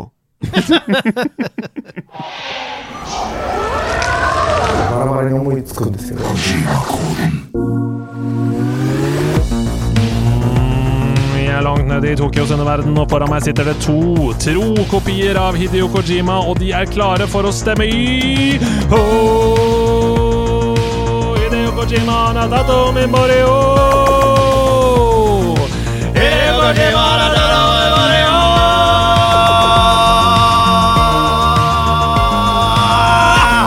stemmer. Vi er dypt inne i Kojima-koden. En av de best anerkjente spaltene direkte fra Tokyo til Grünerløkka. Eh, Norges Tokyo. hvordan har dere det i dag, folkens? Har dere det bra, eller? Og jeg har det tokyosk. det er Ja, helt fantastisk. I Kojima-koden så har altså Hidio Kojima, den legendariske spillutvikleren, tatt bolig i min body. Eh, Men denne uken så er det ikke min body som har tatt bolig, for det er Sebastian Brynstad som har skrevet Kojima-koder. Og det, eh, kom bardus på. Ja, det kommer bardus på. Jeg har de her. Jeg tenkte at jeg kunne Nei, nei, jeg er ikke sånn bardus. Jeg har det jo her. Ja, jeg tenkte at jeg kunne ta, ta en av dem, og så kunne du ta den andre. Eh, selv Ja. om det er du som har skrevet begge. Og det Ja. betyr jo da Åsan, at det er kun du som er i ilden her. Du får ingen til å hjelpe deg denne uken. Det er din egen hjerne som må tunes inn på de forskjellige, mm, på de forskjellige hjernefrekvensene. Ja. Er du klar, Åsan? Jeg er Her kommer, altså første, her kommer altså første ledd. Okay. Eh, og om du klarer det på første ledd, så får du to poeng som du kan bruke i Korv-Jima-boden. Denne pølseboden som skal være på slutten av sesongen. Der er det mulig å få ostepølse i vaffel, kan jeg si med en gang. Klart. Ok, få det første leddet. En kamp mellom hærer fra alle verdens kroker. Konstruerte konstellasjoner. Og stemningen koker. Ok, ok. En kamp mellom hærer, altså, fra alle verdens Kroker. Mm -hmm. Konstruerte konstellasjoner, og stemningen koker. Hva, hva tenker du umiddelbart? Hva betyr konstruerte konstellasjoner? Det er at det er noe Det er noe som er satt sammen. Det er En konstellasjon er jo rett og slett en sammensetning av noe, noe som er sammensatt. Altså dette, og der ligger jo noe sammensatte hærer Ok, Så hærer setter seg sammen Mm, En kamp mellom hærer fra alle verdens kroker. Da. fra Mm. alle verdens kroker. Ok, Så det, hvis det er et strategispill, så det er ikke Warcraft eller noe sånt, fordi det er mer i verdenen. Dette er bra. Nå resonnerer du. Det er fint. Fortsett med det. Og siden det her er Jeg eh, tenker med en gang på et strategispill. Mm. Er det Civilization? Nei, ikke Du, altså her, altså det er jo, eh, nå er du helt alene i Kojima, så du få litt ja, altså, bortsett fra at uh, du må huske at neste ledd er ganske avslørende, så du kan ikke si for mye heller. Nei, men, men jeg tenker at, eh, bare tenker at hærer i overført betydning på en måte Ja, kan være ja, lurt. ja. Alle verdens kroker, ikke sant? Herre fra alle verdens kroker. Mm. Er det et fotballspill, plutselig? ah, OK, så ikke det. mm, eller uh, Så forvirra. Eh, OK. Hmm. Har du lyst til å komme med et tipp her, da? Åh, oh, er det Overwatch? Nei da, det er ikke Overwatch. Men det er et godt poeng, for de er jo, disse menneskene er jo fra alle verdens kroker, da, disse heltene i Overwatch. Vi kan ta andre del. Vil du ha andre del, eller vil du, vil du tippe mer? Du har lov til å tippe okay, mer. Jeg har lov til å tippe mer. Ja. Ok, Herre fra alle verdens deler. De blir satt sammen. Du setter sammen noe herre. Du setter dem sammen. Består hæren av folk fra alle verdens kroker? Eller er det forskjellige hærer fra alle Så må du huske at stemningen koker. Altså, det er god stemning. Stemningen koker. Det. Oi, det er god stemning. De prøver ikke å drepe hverandre engang. What? Hold up! Folk prøver ikke å drepe hverandre, og det er god stemning, og den her der. Oh my god, hva kan det være? Har jeg engang spilt dette spillet? Her. Det har det fett. Ja, du, men altså, du har Nå må vi ha et tipp her, hvis ikke Ja. så må vi ha neste ledd. Fall Guys. OK. Nei, det er feil. Da kommer andre del. En strid styrt av regler på jakt etter nett. 5400 sekunder, og det var det. Å nei. Det er et spill jeg aldri har hørt om. Det er derfor. Ja, er det det, eller er det det? Kan jeg få høre det en gang til? Ja da. En strid styrt av regler på jakt etter nett. 5400 sekunder, og det var det. På jakt etter nett? På jakt etter internett, liksom? De prøver å få dekning? Ja, ikke, ikke si noe nå. På jakt etter nett? Hvis du prøver å oversette 5400 sekunder, da. 5400 sekunder. Del det på 6 54 det er, på, det er 7 70 minutter. Oi, Da må vi jobbe med matten en runde til. Kojima, Kojima kommer inn og Å, til Karasai, det var litt dårlig regning. Mattesan, ja. Du sa noe, du sa noe i forrige ledd som du Ja. hoppet tilbake fra. Ja, Du har hoppet vært- vekk fra det. Du har snust. Du har vært og snust. Har det vært snust? Da definitivt. Du begynte å lese ansikter, men får ikke noe hjelp i ansiktet ansiktene her i går. nei, nei, nei. Å, fotball. Det er et sportsspill. 5400 sekunder. Hvor mange minutter er det 90 da? minutter! Fifa! Konstruerte konstellasjoner. Det er jo elleve mann fra alle steder i verden. Og det er jakt etter nett, altså som i målnett. Ikke ja, ja, ja, ja. Og stemningen koker for ja. OK, vi går videre til neste oppgave. Jeg klarte ikke å skjønne det på nett. Leter de etter dekning? Jeg skjønner at hjernen din holder på å eksplodere nå, men prøv å resette, for her kommer neste oppgave. Glem denne påkjenningen. James banet veien for badass Joanna.